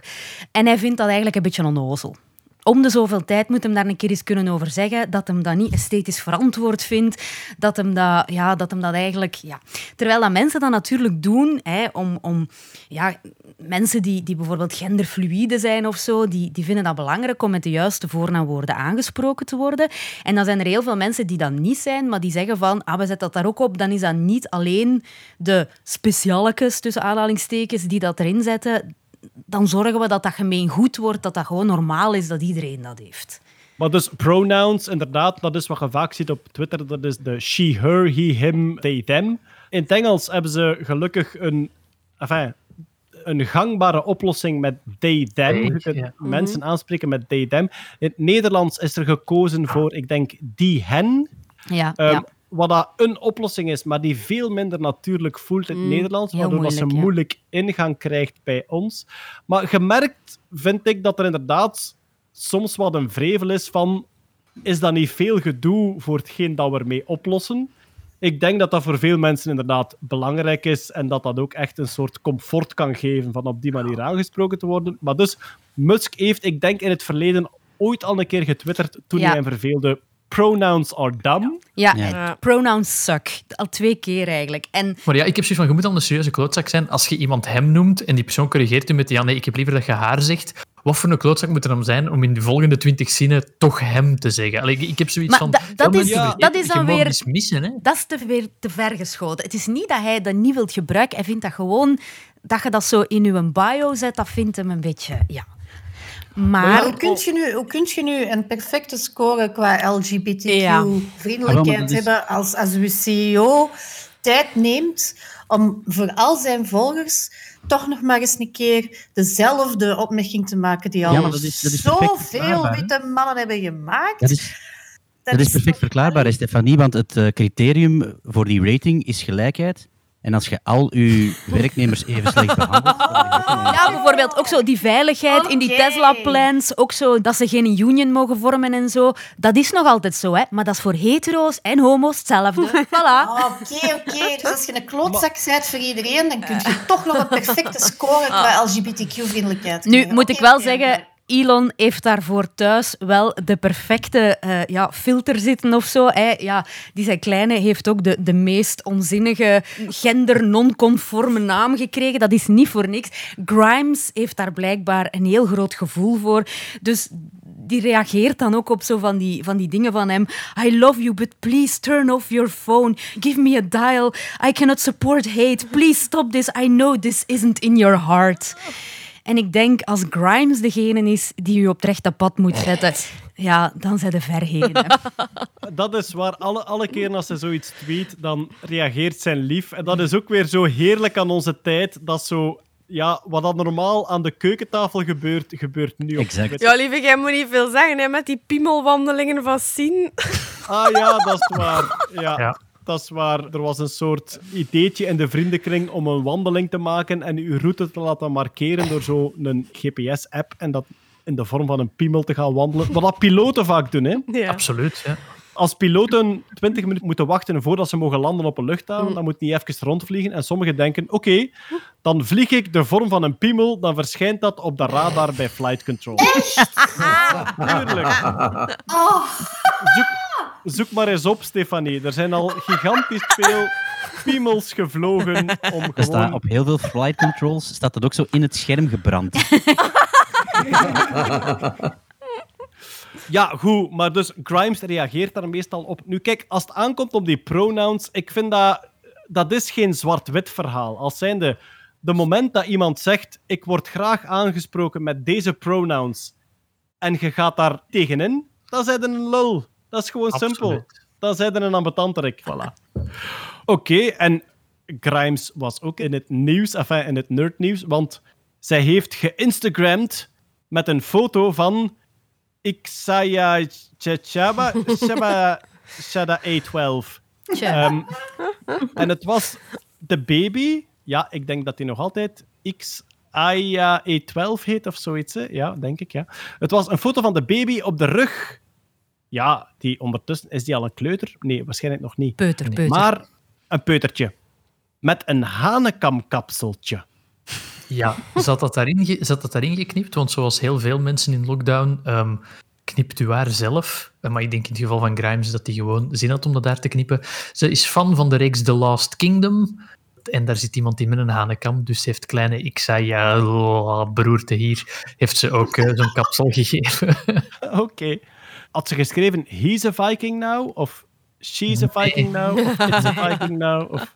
Nee, het is... eh, They, het they was- are a Viking now. Ah, dat zou juist geweest zijn, ja, inderdaad.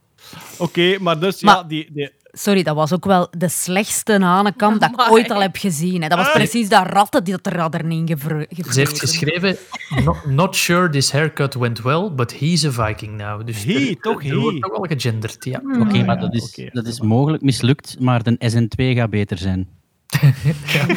Deze baby is ontploft bij landing. we hebben nog één Musk-nieuwtje staan, namelijk hij schaart zich ook achter het Carbon Removal Program. En ja, het is een soort grote beweging die zegt van kijk, wij stoten nu CO2 uit in de atmosfeer, wij gaan dat afbouwen tegen 2050, maar, en ja, dat is ook wel een feit van de klimaatwetenschappen, de CO2 die in de atmosfeer hangt, die gaat daar heel traag terug uit.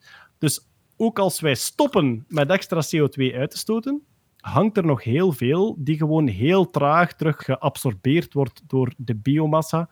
En dus is er een soort beweging die zegt we moeten nieuwe geëngineerde oplossingen vinden om CO2 actief uit de atmosfeer te halen. En Marian, ik weet niet wat er nu precies gebeurd is, maar het is een soort prijs uit, enfin, het, is, is een soort bedrag dat ze willen uitreiken aan het beste idee om dat te gaan doen. Ja, dus Elon Musk heeft met de Musk Foundation 100 miljoen dollar vrijgemaakt.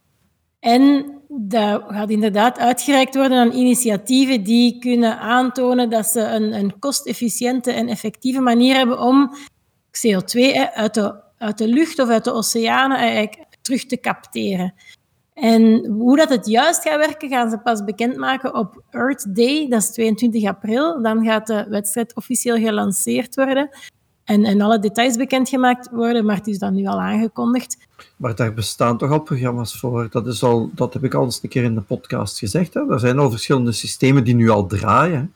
Ja, Die, die systemen CO2 die- uit de lucht kunnen halen hè? en zelfs omzetten naar brandstof. Die, die, die Waterstof, technieken bestaan ook al. Ah, Nee, zelfs, zelfs eh, benzine. Hè? Ja. Ah, We willen het nu vooral opschalen. Dus we hebben uitgerekend Ja. dat we tegen 2050 moeten we eigenlijk 10 gigaton per jaar kunnen capteren. Dat is eigenlijk om Mhm. 20 jaar emissies terug te draaien. En ze zoeken nu bijvoorbeeld oplossingen, heel specifiek, die minstens 1 ton per dag kunnen capteren al in het prototype. En die dan nog effectief kunnen opgeschaald worden tot gigatons per jaar en aan een hele lage kost.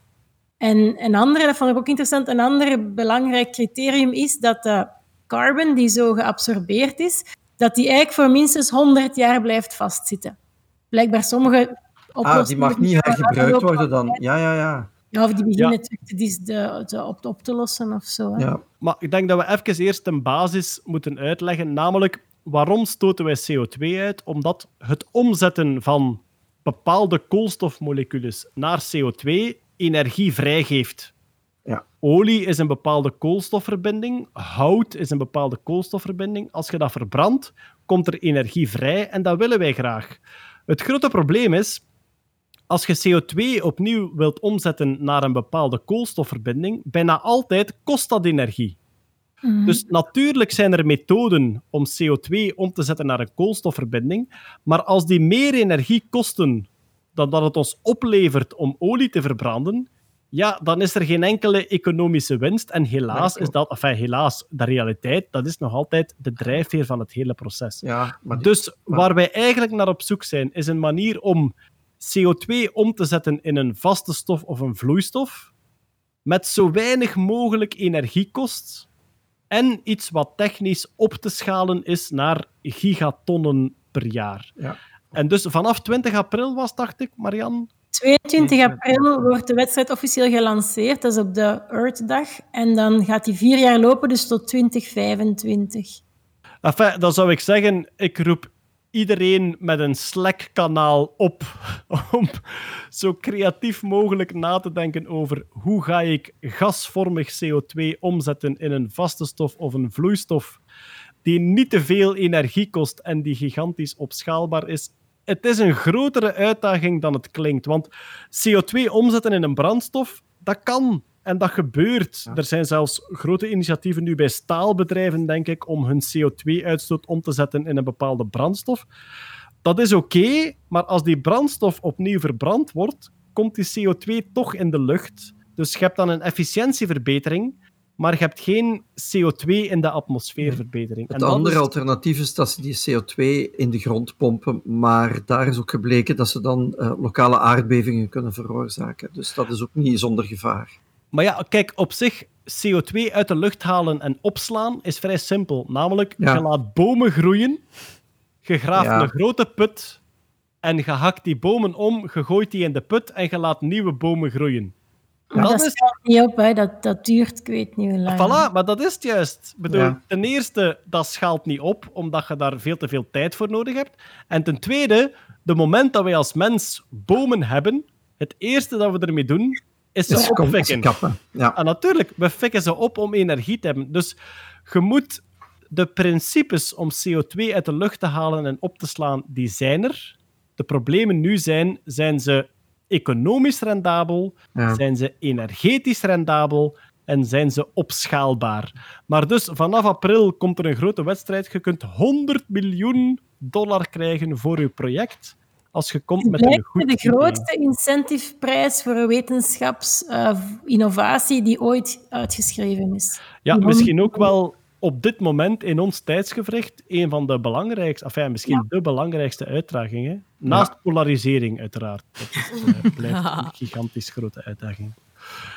Daarmee hebben we het Musk-nieuws voor deze maand gehad. En kunnen we nog een paar korte nieuwsjes afwerken. Enfin, kort is altijd in Nerdland-termen natuurlijk. We zullen zien hoe kort dat we ze kunnen houden. Een paar korte nieuwsjes afwerken van deze maand. Peter, er was een soort wetenschapspublicatie-dilemma. Ja.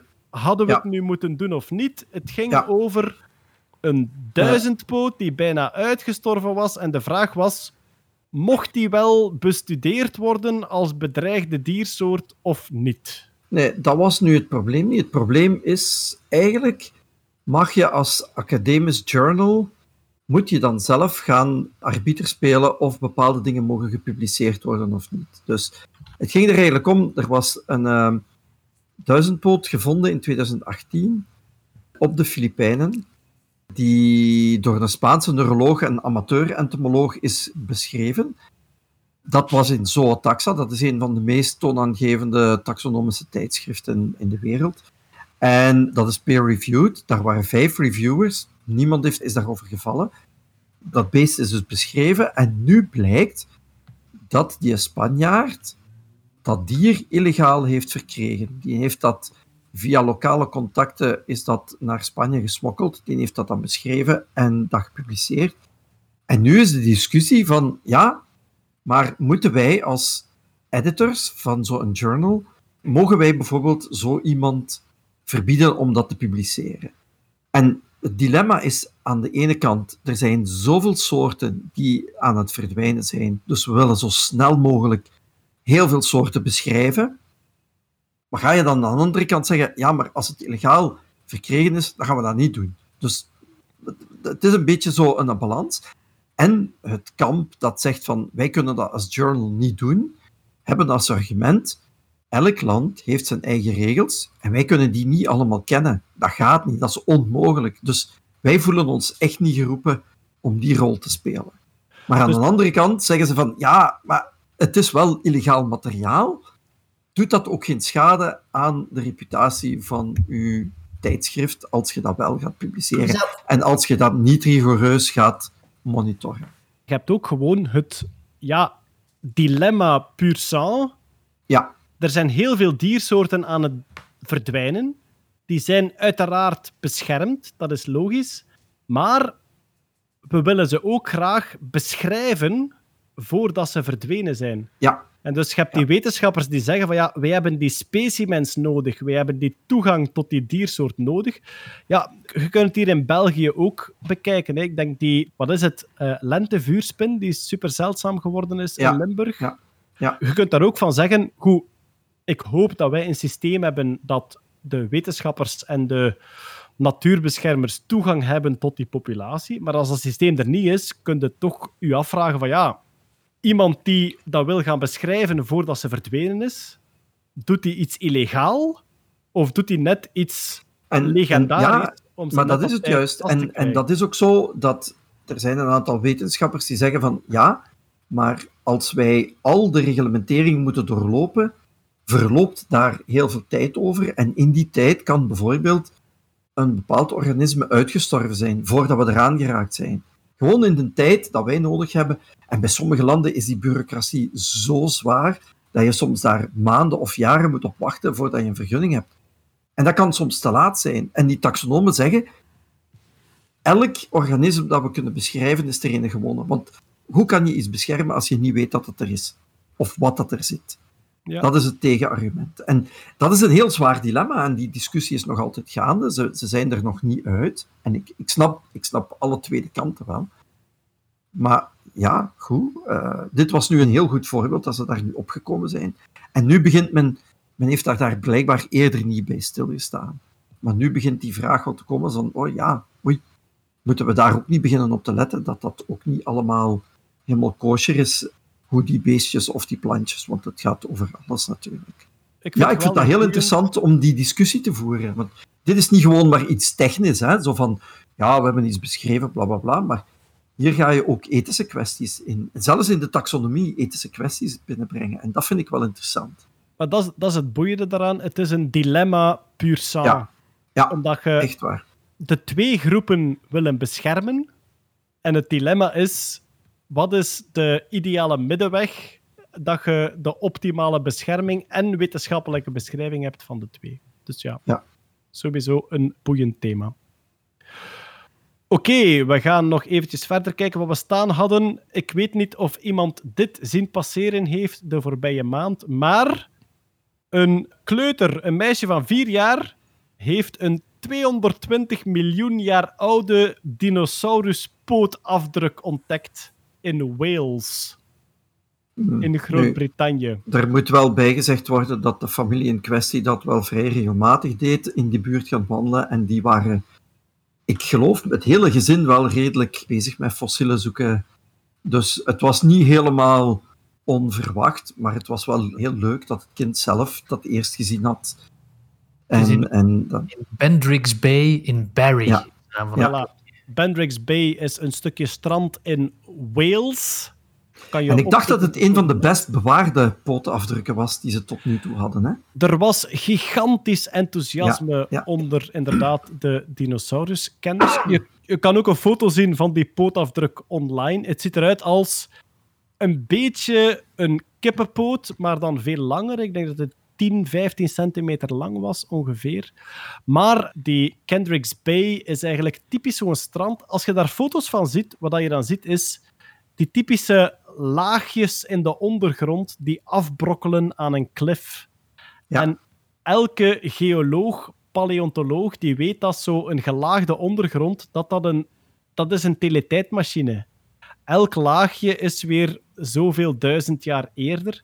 En dus, ja, dat is een strand. Dus de zee brokkelt daar constant een volgende laag van af. En daar komen heel vaak fossielen boven.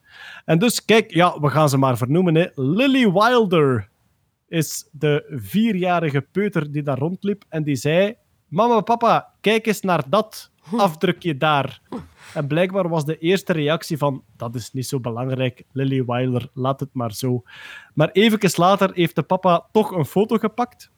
En hij heeft ze doorgestuurd naar ja, bevriende paleontologen die daar meer van wisten. En die zeiden: Bescherm het nu onmiddellijk. Het bleek inderdaad een van de best bewaarde Ja. dino-pootafdrukken te zijn. 220 miljoen jaar oud. Ja. En uit dat soort afdrukken leer je iets over hoe ze liepen, wat een evenwichtssysteem was, enzovoort. enzovoort. Het zou blijkbaar over een, kleine vleeseter gaan, die ongeveer Ja.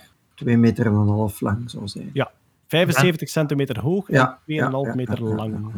Mijn ouders verstopten vroeger ze van die botten in de zandbak, omdat ik paleontoloog wou worden. En dan dacht ik altijd dat ik dinobotten gevonden had. Dus ik zou, zou ik dat meisje zijn, ik zou denken van, ja, ja, kom pa, waar is Ze die? Ja, zou maar liggen. Ja, Eigenlijk weet je ook toch dat je de ribbenkast van onkel Eddie aan het opbegraven bent, natuurlijk. Ik had dat ook hier doen, maar dat duurde altijd even voordat ik door had dat ik eigenlijk in de GFT-bak aan het. Jeroen, ik denk dat we het al eens vermeld hebben. Pablo Escobar, de drugsdealer, die heeft ooit een private zoo begonnen in Zuid-Amerika, met onder andere nijlpaarden. Toen Escobar opgepakt is, zijn die nijlpaarden ontsnapt. Doodgeschoten. Ah, Eh. oké. Escobar is doodgeschoten, de nijlpaarden zijn ontsnapt, maar die zorgen nu wel voor een soort ecologische ramp. Er wonen nu nijlpaarden in Zuid-Amerika. Toen, dat- toen dat Escobar in 1993 is doodgeschoten in zijn luxueuze hacienda, eh, die had dus één mannetje en drie vrouwtjes in zijn zoo. En toen dat eh, Escobar ten val kwam, hebben de autoriteiten gezegd van kijk, die nijlpaarden, die sterven wel uit, we laten die gerust. Het probleem is dat er nu ongeveer 80 tot 120 nijlpaarden in die buurt daar eh, rondpaddelen, in de buurt van Bogota. En ja, dat, dat was een probleem voor de lokale. Ja, dat is een, dat is een eh, hoe noemen ze dat? Zo'n soort die een ex. eh, Invasieve exoot. Een invasieve exoot. dat zijn zeer grote invasieve exoten. En eh, ja, dat moet een probleem worden. Dus ze moeten, ja, die nijlpaarden moeten spijtig genoeg dood. een van de onderzoekers daar, een bioloog, heeft het beschreven als eh, ja, de cocaïne-hippo's. Het voelt alsof ik hier in een Jurassic Park movie zit. Omdat die zo... Die zijn zo eh, wijdverspreid. En eh, ja, dat zijn Ah. ook niet altijd de liefste beesten. Maar wel iets gemakkelijker te vinden dan, ik zeg maar iets wolhandkrabben of zo. Hè? Waar. Ja, dat qua, is qua- wel zo. qua Ja, exotische, invasieve... Ah, ik ben het woord weer kwijt. Qua, qua Invasieve. Invasieve exoot. Dank u wel. Zijn ze gemakkelijk te spotten, ja. Wat, dat was net mijn reactie. Peter, een invasieve exoot als insect is volgens mij een stuk moeilijker te bestrijden Ja, dat dan is ook... Ja, ja, ja. een zoogdier van, van 200 kilo. Absoluut. 2000. Ja. Ja. Ik heb een nijlpaardenjager in mijn familie. Hè? Dus- Wat? Is dat uw neef Ja. die in China woont? Nee, nee. Een nicht van mij is getrouwd met iemand van Oeganda. En in zijn jeugd is die nog in grote groepen nijlpaarden gaan jagen. Wat geweldig moeilijk is, omdat je enkel via het oor en het oog kunt schieten. Die zijn zodanig dik. Dat, die, dat is een van de moeilijkst te bejagen dieren. Maar dus, de man van mijn nicht heeft ooit een nijlpaard geschoten met een groep. Dus ik kan die altijd naar Zuid-Amerika sturen om het Ik, probleem eh, op te lossen. Ik heb een, voor een van mijn vorige jobs moest ik audits gaan doen bij citrusplantages. En ik ben dan voor het werk een keer in Zuid-Afrika geweest. En die kerels waren daar aan het spreken over de gevaren voor de plukkers als die appelsinen moesten gaan plukken. En nijlpaarden is daar eentje van. En die, die man, die eigenaar, die liet mij een foto zien en zei: Dit was mijn jeep vorige week. En daar was gewoon dus de motorkap volledig vernield. Hij zei: We gewoon een nijlpaard tegenkomen en die had gewoon in mijn auto gebeten. gewoon de auto volledig vermorzeld. Maar ja, En, ja, en die zijn bijzonder snel, hè. Dus die, kunnen, die halen nu gewoon in, hè. Je kunt niet gaan lopen van een nijlpaard, want die zijn gewoon rapper, hè. de, de Dus, tip die eh, meestal gegeven wordt is: neem scherpe bochten. Daar zijn Ja. ze niet zo goed in. Ja, ja, ja. ja. Hetzelfde met krokodillen. Hè. Scherpe bochten. dat is- Je gaat gaan lopen en als ze u bijna ingehaald hebben, pak een bocht van 90 graden of meer en dan Ja. kunnen ze niet zo goed. Dus enfin, bij deze een tip voor wie ooit door krokodillen of nijlpaarden achtervolgd wordt. We hebben nog één iets gestaan. Stefanie, er was op TikTok verscheen er plotseling een filmpje van een vrouw die pas bevallen was en die dus uiteraard een moedermelkreflex had. Maar zij kon moedermelk uit haar oksels laten komen. Inderdaad. En iedereen dacht, kan dat nou... Dat is, deze is een hoax. En ik dacht dat eerlijk gezegd ook. Ik heb dat nog nooit niet gehoord, terwijl ik zelf toch de volle twee jaar borstvoeding heb gegeven en mij daar zeer hard in heb verdiept. Maar blijkbaar gebeurt dat zeer uitzonderlijk. Het heeft te maken met hoe dat melkklieren eh, ontwikkelen. En ja, dit- dit- soms heb je ook mensen met een derde tepel bijvoorbeeld. Eh, en blijkbaar in sommige gevallen zijn er vrouwen die effectief melkklieren hebben onder hun oksels. En als je daar dan zo'n beetje op duwt, dan komt daar blijkbaar melk uit. Dat Wat wil niet daar- zeggen dat je daar een baby aan kunt hangen, Ja. want er is geen... Nee, maar er is geen tepel. En Ja. die tepel is vrij belangrijk voor Het de... is geen aanhechtingspunt. Hè? Ja, voor, voor de zuigreflex van, van het kind. Maar het is een leuke partytrick. Ja. Ah, wel, maar wat ik daar opnieuw geweldig boeiend aan vond, is... Dit is alweer een soort wetenschapsnieuws waarvan dat je denkt van... Wauw, wat een titel, wat een headline. En als je er dieper op ingaat, zit er zoveel inhoud achter. Want, wat vond ik online? Een afbeelding van de tepellijn. Ja. En de tepellijn bij de mens, die loopt van de oksel tot aan de lies. En wat is dat? Bij de mens, uiteraard, bij de vrouw, zijn enkel onze borsten, daar komt nog melk uit. Dat is evolutionair zo geworden.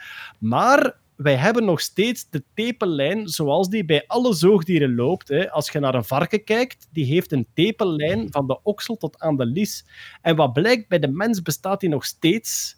En dus de derde tepel, hè, die vaak genoemd wordt, die zit dan net onder de borst en die ligt op die tepellijn. En wat die vrouw toont op TikTok, namelijk die melkproductie in de oksel, die ligt op het uiterste uiteinde van de tepellijn. En dan zitten we helemaal in de biologische evolutie, namelijk we komen uit op een gangbare oplossing, zoals op dit moment bij de mens het geval is met de twee borsten met melkproductie bij de vrouw. Maar de genetische variatie die blijft wel aanwezig. En gewoon om genoeg variatie te hebben in uw evolutionair spel, speelt die af en toe op. Dus af en toe heb je mensen met een derde tepel. En dus bij deze vrouw, zeer uitzonderlijk, af en toe heb je mensen die ook melkproductie hebben in de oksel. Ja, het is niet zo dat hij gewoon voor de leut eens een keer onder haar oksel is gaan knijpen om te zien of dat daar melk uit kwam. Er zat wel degelijk daar gezwollen klieren. Dus dat was dan zo een beetje raar. En dan heeft ze daar eens op geduwd en dan hopla. Voilà, ze hadden op, op de radio ook een, een vroedvrouw daarover geïnterviewd. En die zei ook, maar je moet dan toevallig ook wel juist een opening hebben daar. Om, Ja, dat is om waar, dat is waar, uit, want dat is niet bij iedereen zo. Nee, Ja. nee. Maar ja, Zeggen, als die zich zo drie dagen zich niet wast, kan die dan kaas maken? De, de tepellijn is trouwens ook een 0900-nummer waar je naar kunt bellen. Maar ja, dat is toch weer het boeiende aan evolutie. Alles moet toevallig een beetje samenvallen of om wel of niet te werken. En dat vind ik nog altijd een van de beste zinnen uit het boekje Kaas en de evolutietheorie van Bas Haring, waarin dat je ook schrijft... En ik, ik betrap er mijzelf ook vaak op. Soms zegt je, de evolutie heeft ervoor gezorgd dat we Ja. zo en zo. Of het virus wil graag meer besmettelijk worden. Daar zit geen bedoeling achter. En dat is een van de mooie zinnen uit Bas Haring zijn boek. De natuur doet maar wat. Ja. Ze doet maar wat. Er gebeurt van alles. Het gaat een keer naar links, het gaat een keer naar rechts. En de enige dat is- reden dat het, dat het beste overblijft, is omdat het overleeft. Ze Ja, doet maar als wat. het werkt, blijft het. En als het Voilà. niet werkt, gaat het Voilà. weg. Ja. De natuur ziet wel wat werkt. Ja, gewoon een beetje domweg, slordig variëren naar alle kanten. En hetgene wat werkt, dat blijft dan bestaan. Wat ik vooral genetisch opmerkelijk vind, is dat je dat ziet, dat je dat meemaakt en dat je zegt: Schat, schat, filmen! Op TikTok, op TikTok! Dat is inderdaad meer culturele evolutie. Ik zou zeggen, we gaan met Nerdland op TikTok, maar we zijn allemaal veel te oud om daarop te gaan. Ik vrees dat ik er een eh, heupbreuk aan overhoud. We gaan naar een paar afsluiters en een paar recalls die we nog staan hebben. Namelijk, wij kregen bericht. Hou u klaar voor een soort engelengezang. Wij kregen reactie van Frank de Bozere. Eh, Frank de Bozere, ja, bekend als weerman, maar enfin, ik kan het niet genoeg herhalen. Toch een soort nerd-icoon. Het is een man die al jarenlang zijn eigen website schrijft in HTML, nota bene. Meer zelfs, alle vragen die Frank krijgt van het publiek over hoe werkt zoiets, beantwoordt hij niet via een e-mail aan die persoon, maar hij beantwoordt dat via een pagina op zijn eigen geschreven HTML-site, zodat hij in de toekomst altijd kan terugrefereren naar een bepaalde beantwoorde vraag. Dus ga vooral rondsurfen op Frank zijn website, het is daar fantastisch. Hij had een mededeling, we hadden het in de vorige podcast over een lancering, ik denk van eh, Virgin, Virgin Galactic of eh, Virgin Orbit, ik weet het al niet meer. Richard Branson die raketten lanceert van onder een vliegtuig. Dus met een vliegtuig ga je zo hoog mogelijk vliegen, tot op 10 kilometer. En vanaf daar lanceer je die raket. En Frank heeft ons laten weten, dat is iets wat al zeer lang bestaat. In 1990 zijn daar al de eerste testen mee gedaan, met de Pegasus-raket. We gaan dat link ook in de show notes zetten. Dus de Pegasus-raket, 30 jaar geleden, werd er al gedacht aan op 10 kilometer hoogte is de luchtweerstand al veel kleiner, dus we kunnen gewoon veel efficiënter zijn. Dus vanaf daar te lanceren via een groot vliegtuig. En daar zijn ook beelden van, die komen op de show notes. De Nog eerste lancering... staan al in de show notes van de aflevering waarin we de fout gemaakt hebben. Echt waar? Als, als, er iemand, als er iemand correcties doorstuurt en we in de, in, de, in de podcast een leuke aanvulling, iets dat we een beetje moeten verbeteren, dan vul ik gewoon de show notes aan. En dan heb je altijd de meest up-to-date informatie. Je bent sneller dan je schaduw. Dus dankjewel Frank voor deze aanvulling. Wat hebben we nog staan? Het Vlaamswoordenboek.be gaan we kort vernoemen. Anthony Likens eh, zat ook in het programma Team Scheire, is een van de topmakers van België. Is iemand die geweldig enthousiast is over allerlei projecten, die ook Makers eh, Against Corona, denk ik, hè, dus zo de, via de Makers de mondmaskeractie en zo gestart heeft enzovoort. Maar waarom vermelden we het? Anthony heeft al jarenlang een website vlaamsewoordenboek.be. Zijn doel was om de vertaalmoeilijkheden tussen Nederlanders en Vlamingen op te lossen. Dus hij dacht, ik maak een website met alle typisch Vlaamse woorden, zoals goesting en opendoender en eh, sergeant en dat soort dingen, die moeilijk vertaalbaar zijn naar het Nederlands. Ik ga er gewoon lemma's van maken, zodanig dat alle bedrijven, en dat zijn er veel, die Vlaams-Nederlands samenwerken, dat die op die manier kunnen opzoeken wat betekent het allemaal. Nu, waarom vermelden we het? Anthony heeft dat jarenlang zelf betaald en aangevuld en gemodereerd. En die heeft daar nu absoluut geen tijd meer voor, omdat hij met andere makerprojecten bezig is. En die zoekt iemand, die zoekt eigenlijk een bedrijf of gelijk wat, iemand die zegt ik wil dat wel overnemen. Zowel de hosting als een beetje het modereren van vlaamsewoordenboek.be. Dus bij deze is dat een warme oproep. Uh, ga Dat eerst al- voor alles Dat is, kijken. al, dat is al volop gaande. Onze Discord is erop gevlogen. Er is een kanaal Vlaams Woordenboek waar er al samen met Anthony nagedacht wordt over eh, de technologie, eh, wat dat de nieuwe site moet kunnen. En dat is volledig opgepikt door onze fantastische Discord community en zo. Dus Voilà, dus iedereen die zich geroepen voelt, ofwel ga je gewoon naar onze Nerdland Discord en sluit je u aan bij die Vlaamse woordenboek community, ofwel laat je gewoon weten aan Anthony wat dat je voor hem kan doen. En dan hopelijk wordt dat gered, want het is gewoon, ja, het is verbondenheid.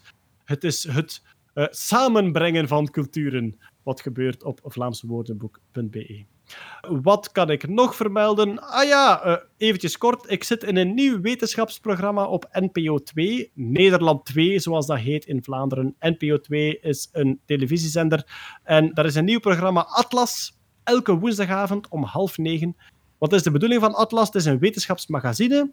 En zij gaan via de actualiteit op zoek naar wetenschappelijk onderzoek dat de actualiteit ondersteunt. Ik heb daar al heel toffe dingen voor kunnen doen. Ik ben op bezoek geweest bij de Dinozaal in Naturalis in Leiden. Ik heb het hoofd van een triceratops in mijn handen gehouden. De echte botten van een triceratops kunnen vasthouden voor dat magazine.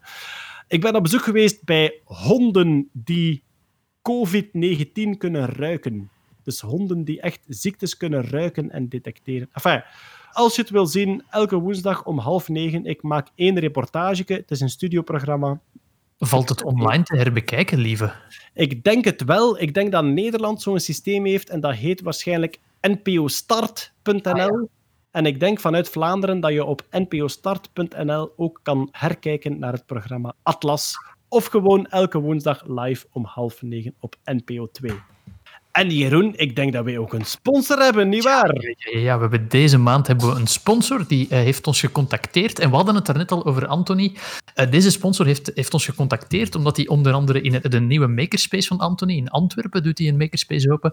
Daar leveren zij apparatuur voor. De sponsor is Toolsquare. En Toolsquare die maken eigenlijk management software en hardware voor in labo's of in gedeelde werkomgevingen. Dus stel je voor, je hebt een labo of een, of een, een makerspace waar heel veel dure apparatuur staat. En je wilt dat die apparatuur goed beheerd wordt, goed verdeeld wordt. En daar maken zij software en eh, dus management dingen voor. Je moet je eigenlijk een klein consoletje voorstellen dat naast de machine staat. En bijvoorbeeld je begint met de lasercutter, tenzij dat je Henk Rijkaard deed, heb je dat niet zomaar in je garage thuis staan. Dus je gaat daarvoor naar een makerspace of naar een labo.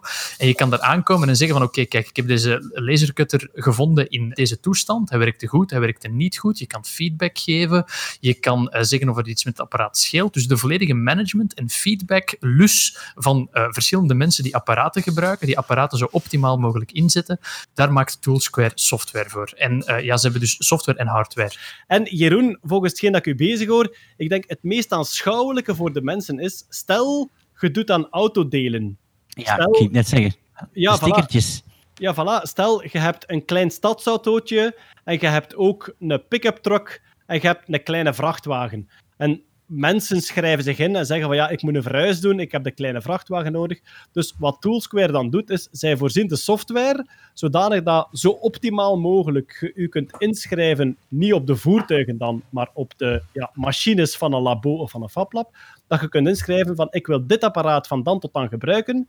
Ik kan ook melden in welke toestand ik het gevonden heb, in welke toestand ik het achterlaat, dat je als beheerder snel kunt detecteren waar zijn de defaults, waar zijn de defecten gebeurd. En dat dat allemaal... Enfin, vooral dat de functionele tijd van uw toestellen zo hoog mogelijk kan zijn, ja, wat iets is waar iedereen naar zoekt, denk ik. Het is meer dan alleen planning. Want ik dacht ook eerst toen ze ons contacteerden van ah ja, dat is gewoon een Google Agenda voor machines, maar het is veel meer. Het is kijken of dat de equipment nog goed loopt. Ze, ze interfacen ook met de equipment, met dat, eh, dat apparaatje dat daartussen staat. Je moet maar eens op de site gaan kijken. Het is best wel een klein schattig consoletje dat er dan naast hangt. Eh, door de safety checklist kun je gaan met dat apparaat. Dus het is eigenlijk een kleine, ja, slimme assistent die naast het apparaat staat, die inderdaad ervoor zorgt dat je als beheerder van de apparaten, de baas van het FabLab, de persoon die de apparaten aankoopt en beheert, dat je ook zicht hebt op welke apparaten worden het meest gebruikt, waar zijn er het meeste moeilijkheden mee. Maar ook, wie heeft er de juiste opleiding voor, voor welk Voilà. toestel? Ja. Ah, cool. Dus dat zou eigenlijk ook zo kunnen gebruikt worden in technische scholen en zo. Of zo of bij, bij productontwikkeling, zo in, in, in, eh, in het atelier en zo. Dan zou je ook bijvoorbeeld kunnen zeggen dat bepaalde dingen moeten gecalibreerd worden. Zo, dat, dat, Mhm. dat is ook zoiets. Ah, ja. cool. Ze zijn enorm aan het uitbreiden. Als je meer info wilt, kun je naar de site gaan toolsquare.io. Dus toolsquare op zijn Engels, tool en dan square, zoals vierkant op zijn Engels, alles aan elkaar, .io. En eh, de contactpersoon daar is david.toolsquare.io. Die kan u verder helpen. Ze zijn gigantisch aan het opschalen. Ze hebben denk ik wel een product waar iets mee te doen valt. Dus eh, Mhm. ja, contacteer die mensen. Zelfs al heb je gewoon interesse, kijk wat dat er mogelijk is. Eh, dus ja, de Toolsquare is eh, een interessant bedrijf om eens een klappetje mee te doen. En zijn ook onze maandsponsor. Yay! Yay! Alright, daarmee denk ik dat we helemaal rond zijn voor deze maand. Hallo, dit is Jeroen vanuit de montage. Eh, als de trotse winnaar van de Gouden Jas 2019 is het ook aan mij de eer om de Gouden Jas 2020 aan te kondigen. Een wedstrijd, uiteraard pure formaliteit, om te beslissen wie er dit jaar de gegeerde Gouden Jas 2020 binnenhaalt. Het is nog niet duidelijk of de Gouden Jas een doorgeefprijs is, een wisselbeker, maar ik heb hem constant aan, dus eh, we zullen zien. Eh, voor de mensen die niet weten wat dat de Gouden Jas is, dat is een prijs die elk jaar wordt, jaar wordt uitgereikt aan de flauwste jasmop die gevallen is in de Nerdland Maandoverzicht podcast. Een jasmop is een mop of een woordspeling of een opmerking die zo flauw is dat de persoon die ze maakte beter zijn jas even gaat halen om even af te koelen buiten.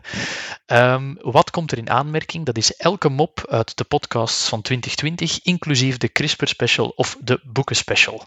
Eh, de wedstrijd verloopt in twee fases. In de eerste fase nomineren jullie jullie favoriete moppen en in de laatste fase pakken we de top 5 genomineerden eruit en dan kan daarop gestemd worden. Momenteel kan je naar goudenjas.be gaan. Daar vind je een formulier waarop je kan invullen welke mop in aanmerking komt, in welke aflevering de mop gemaakt werd, wie de mop maakte. Eh, eh, Jeroen staat er als eh, tweede in de lijst. En rond welk tijdstip in de aflevering werd de mop gemaakt. Dan maken wij, als alle nominaties binnen zijn, een leuke montage. En dan zien we zo verder wie gaat lopen met de Gouden Jas 2020. Dankjewel. Doei. En dan dank ik al mijn podcasters Bart van Peer. Tot ziens. Hetty Helsmoortel. Met veel plezier. Els Arts. Dag. Jeroen Baert. Bye. Stefanie de Henne. Bye bye. Peter Berks. Dag. Marianne Verhelst is al gaan slapen. En eh, ja, mijn naam is Leven Scheire, maar dat wist u misschien al. Hartelijk dank voor het luisteren tot hiertoe. Graag tot een volgende keer. Bye. Bye. Dag.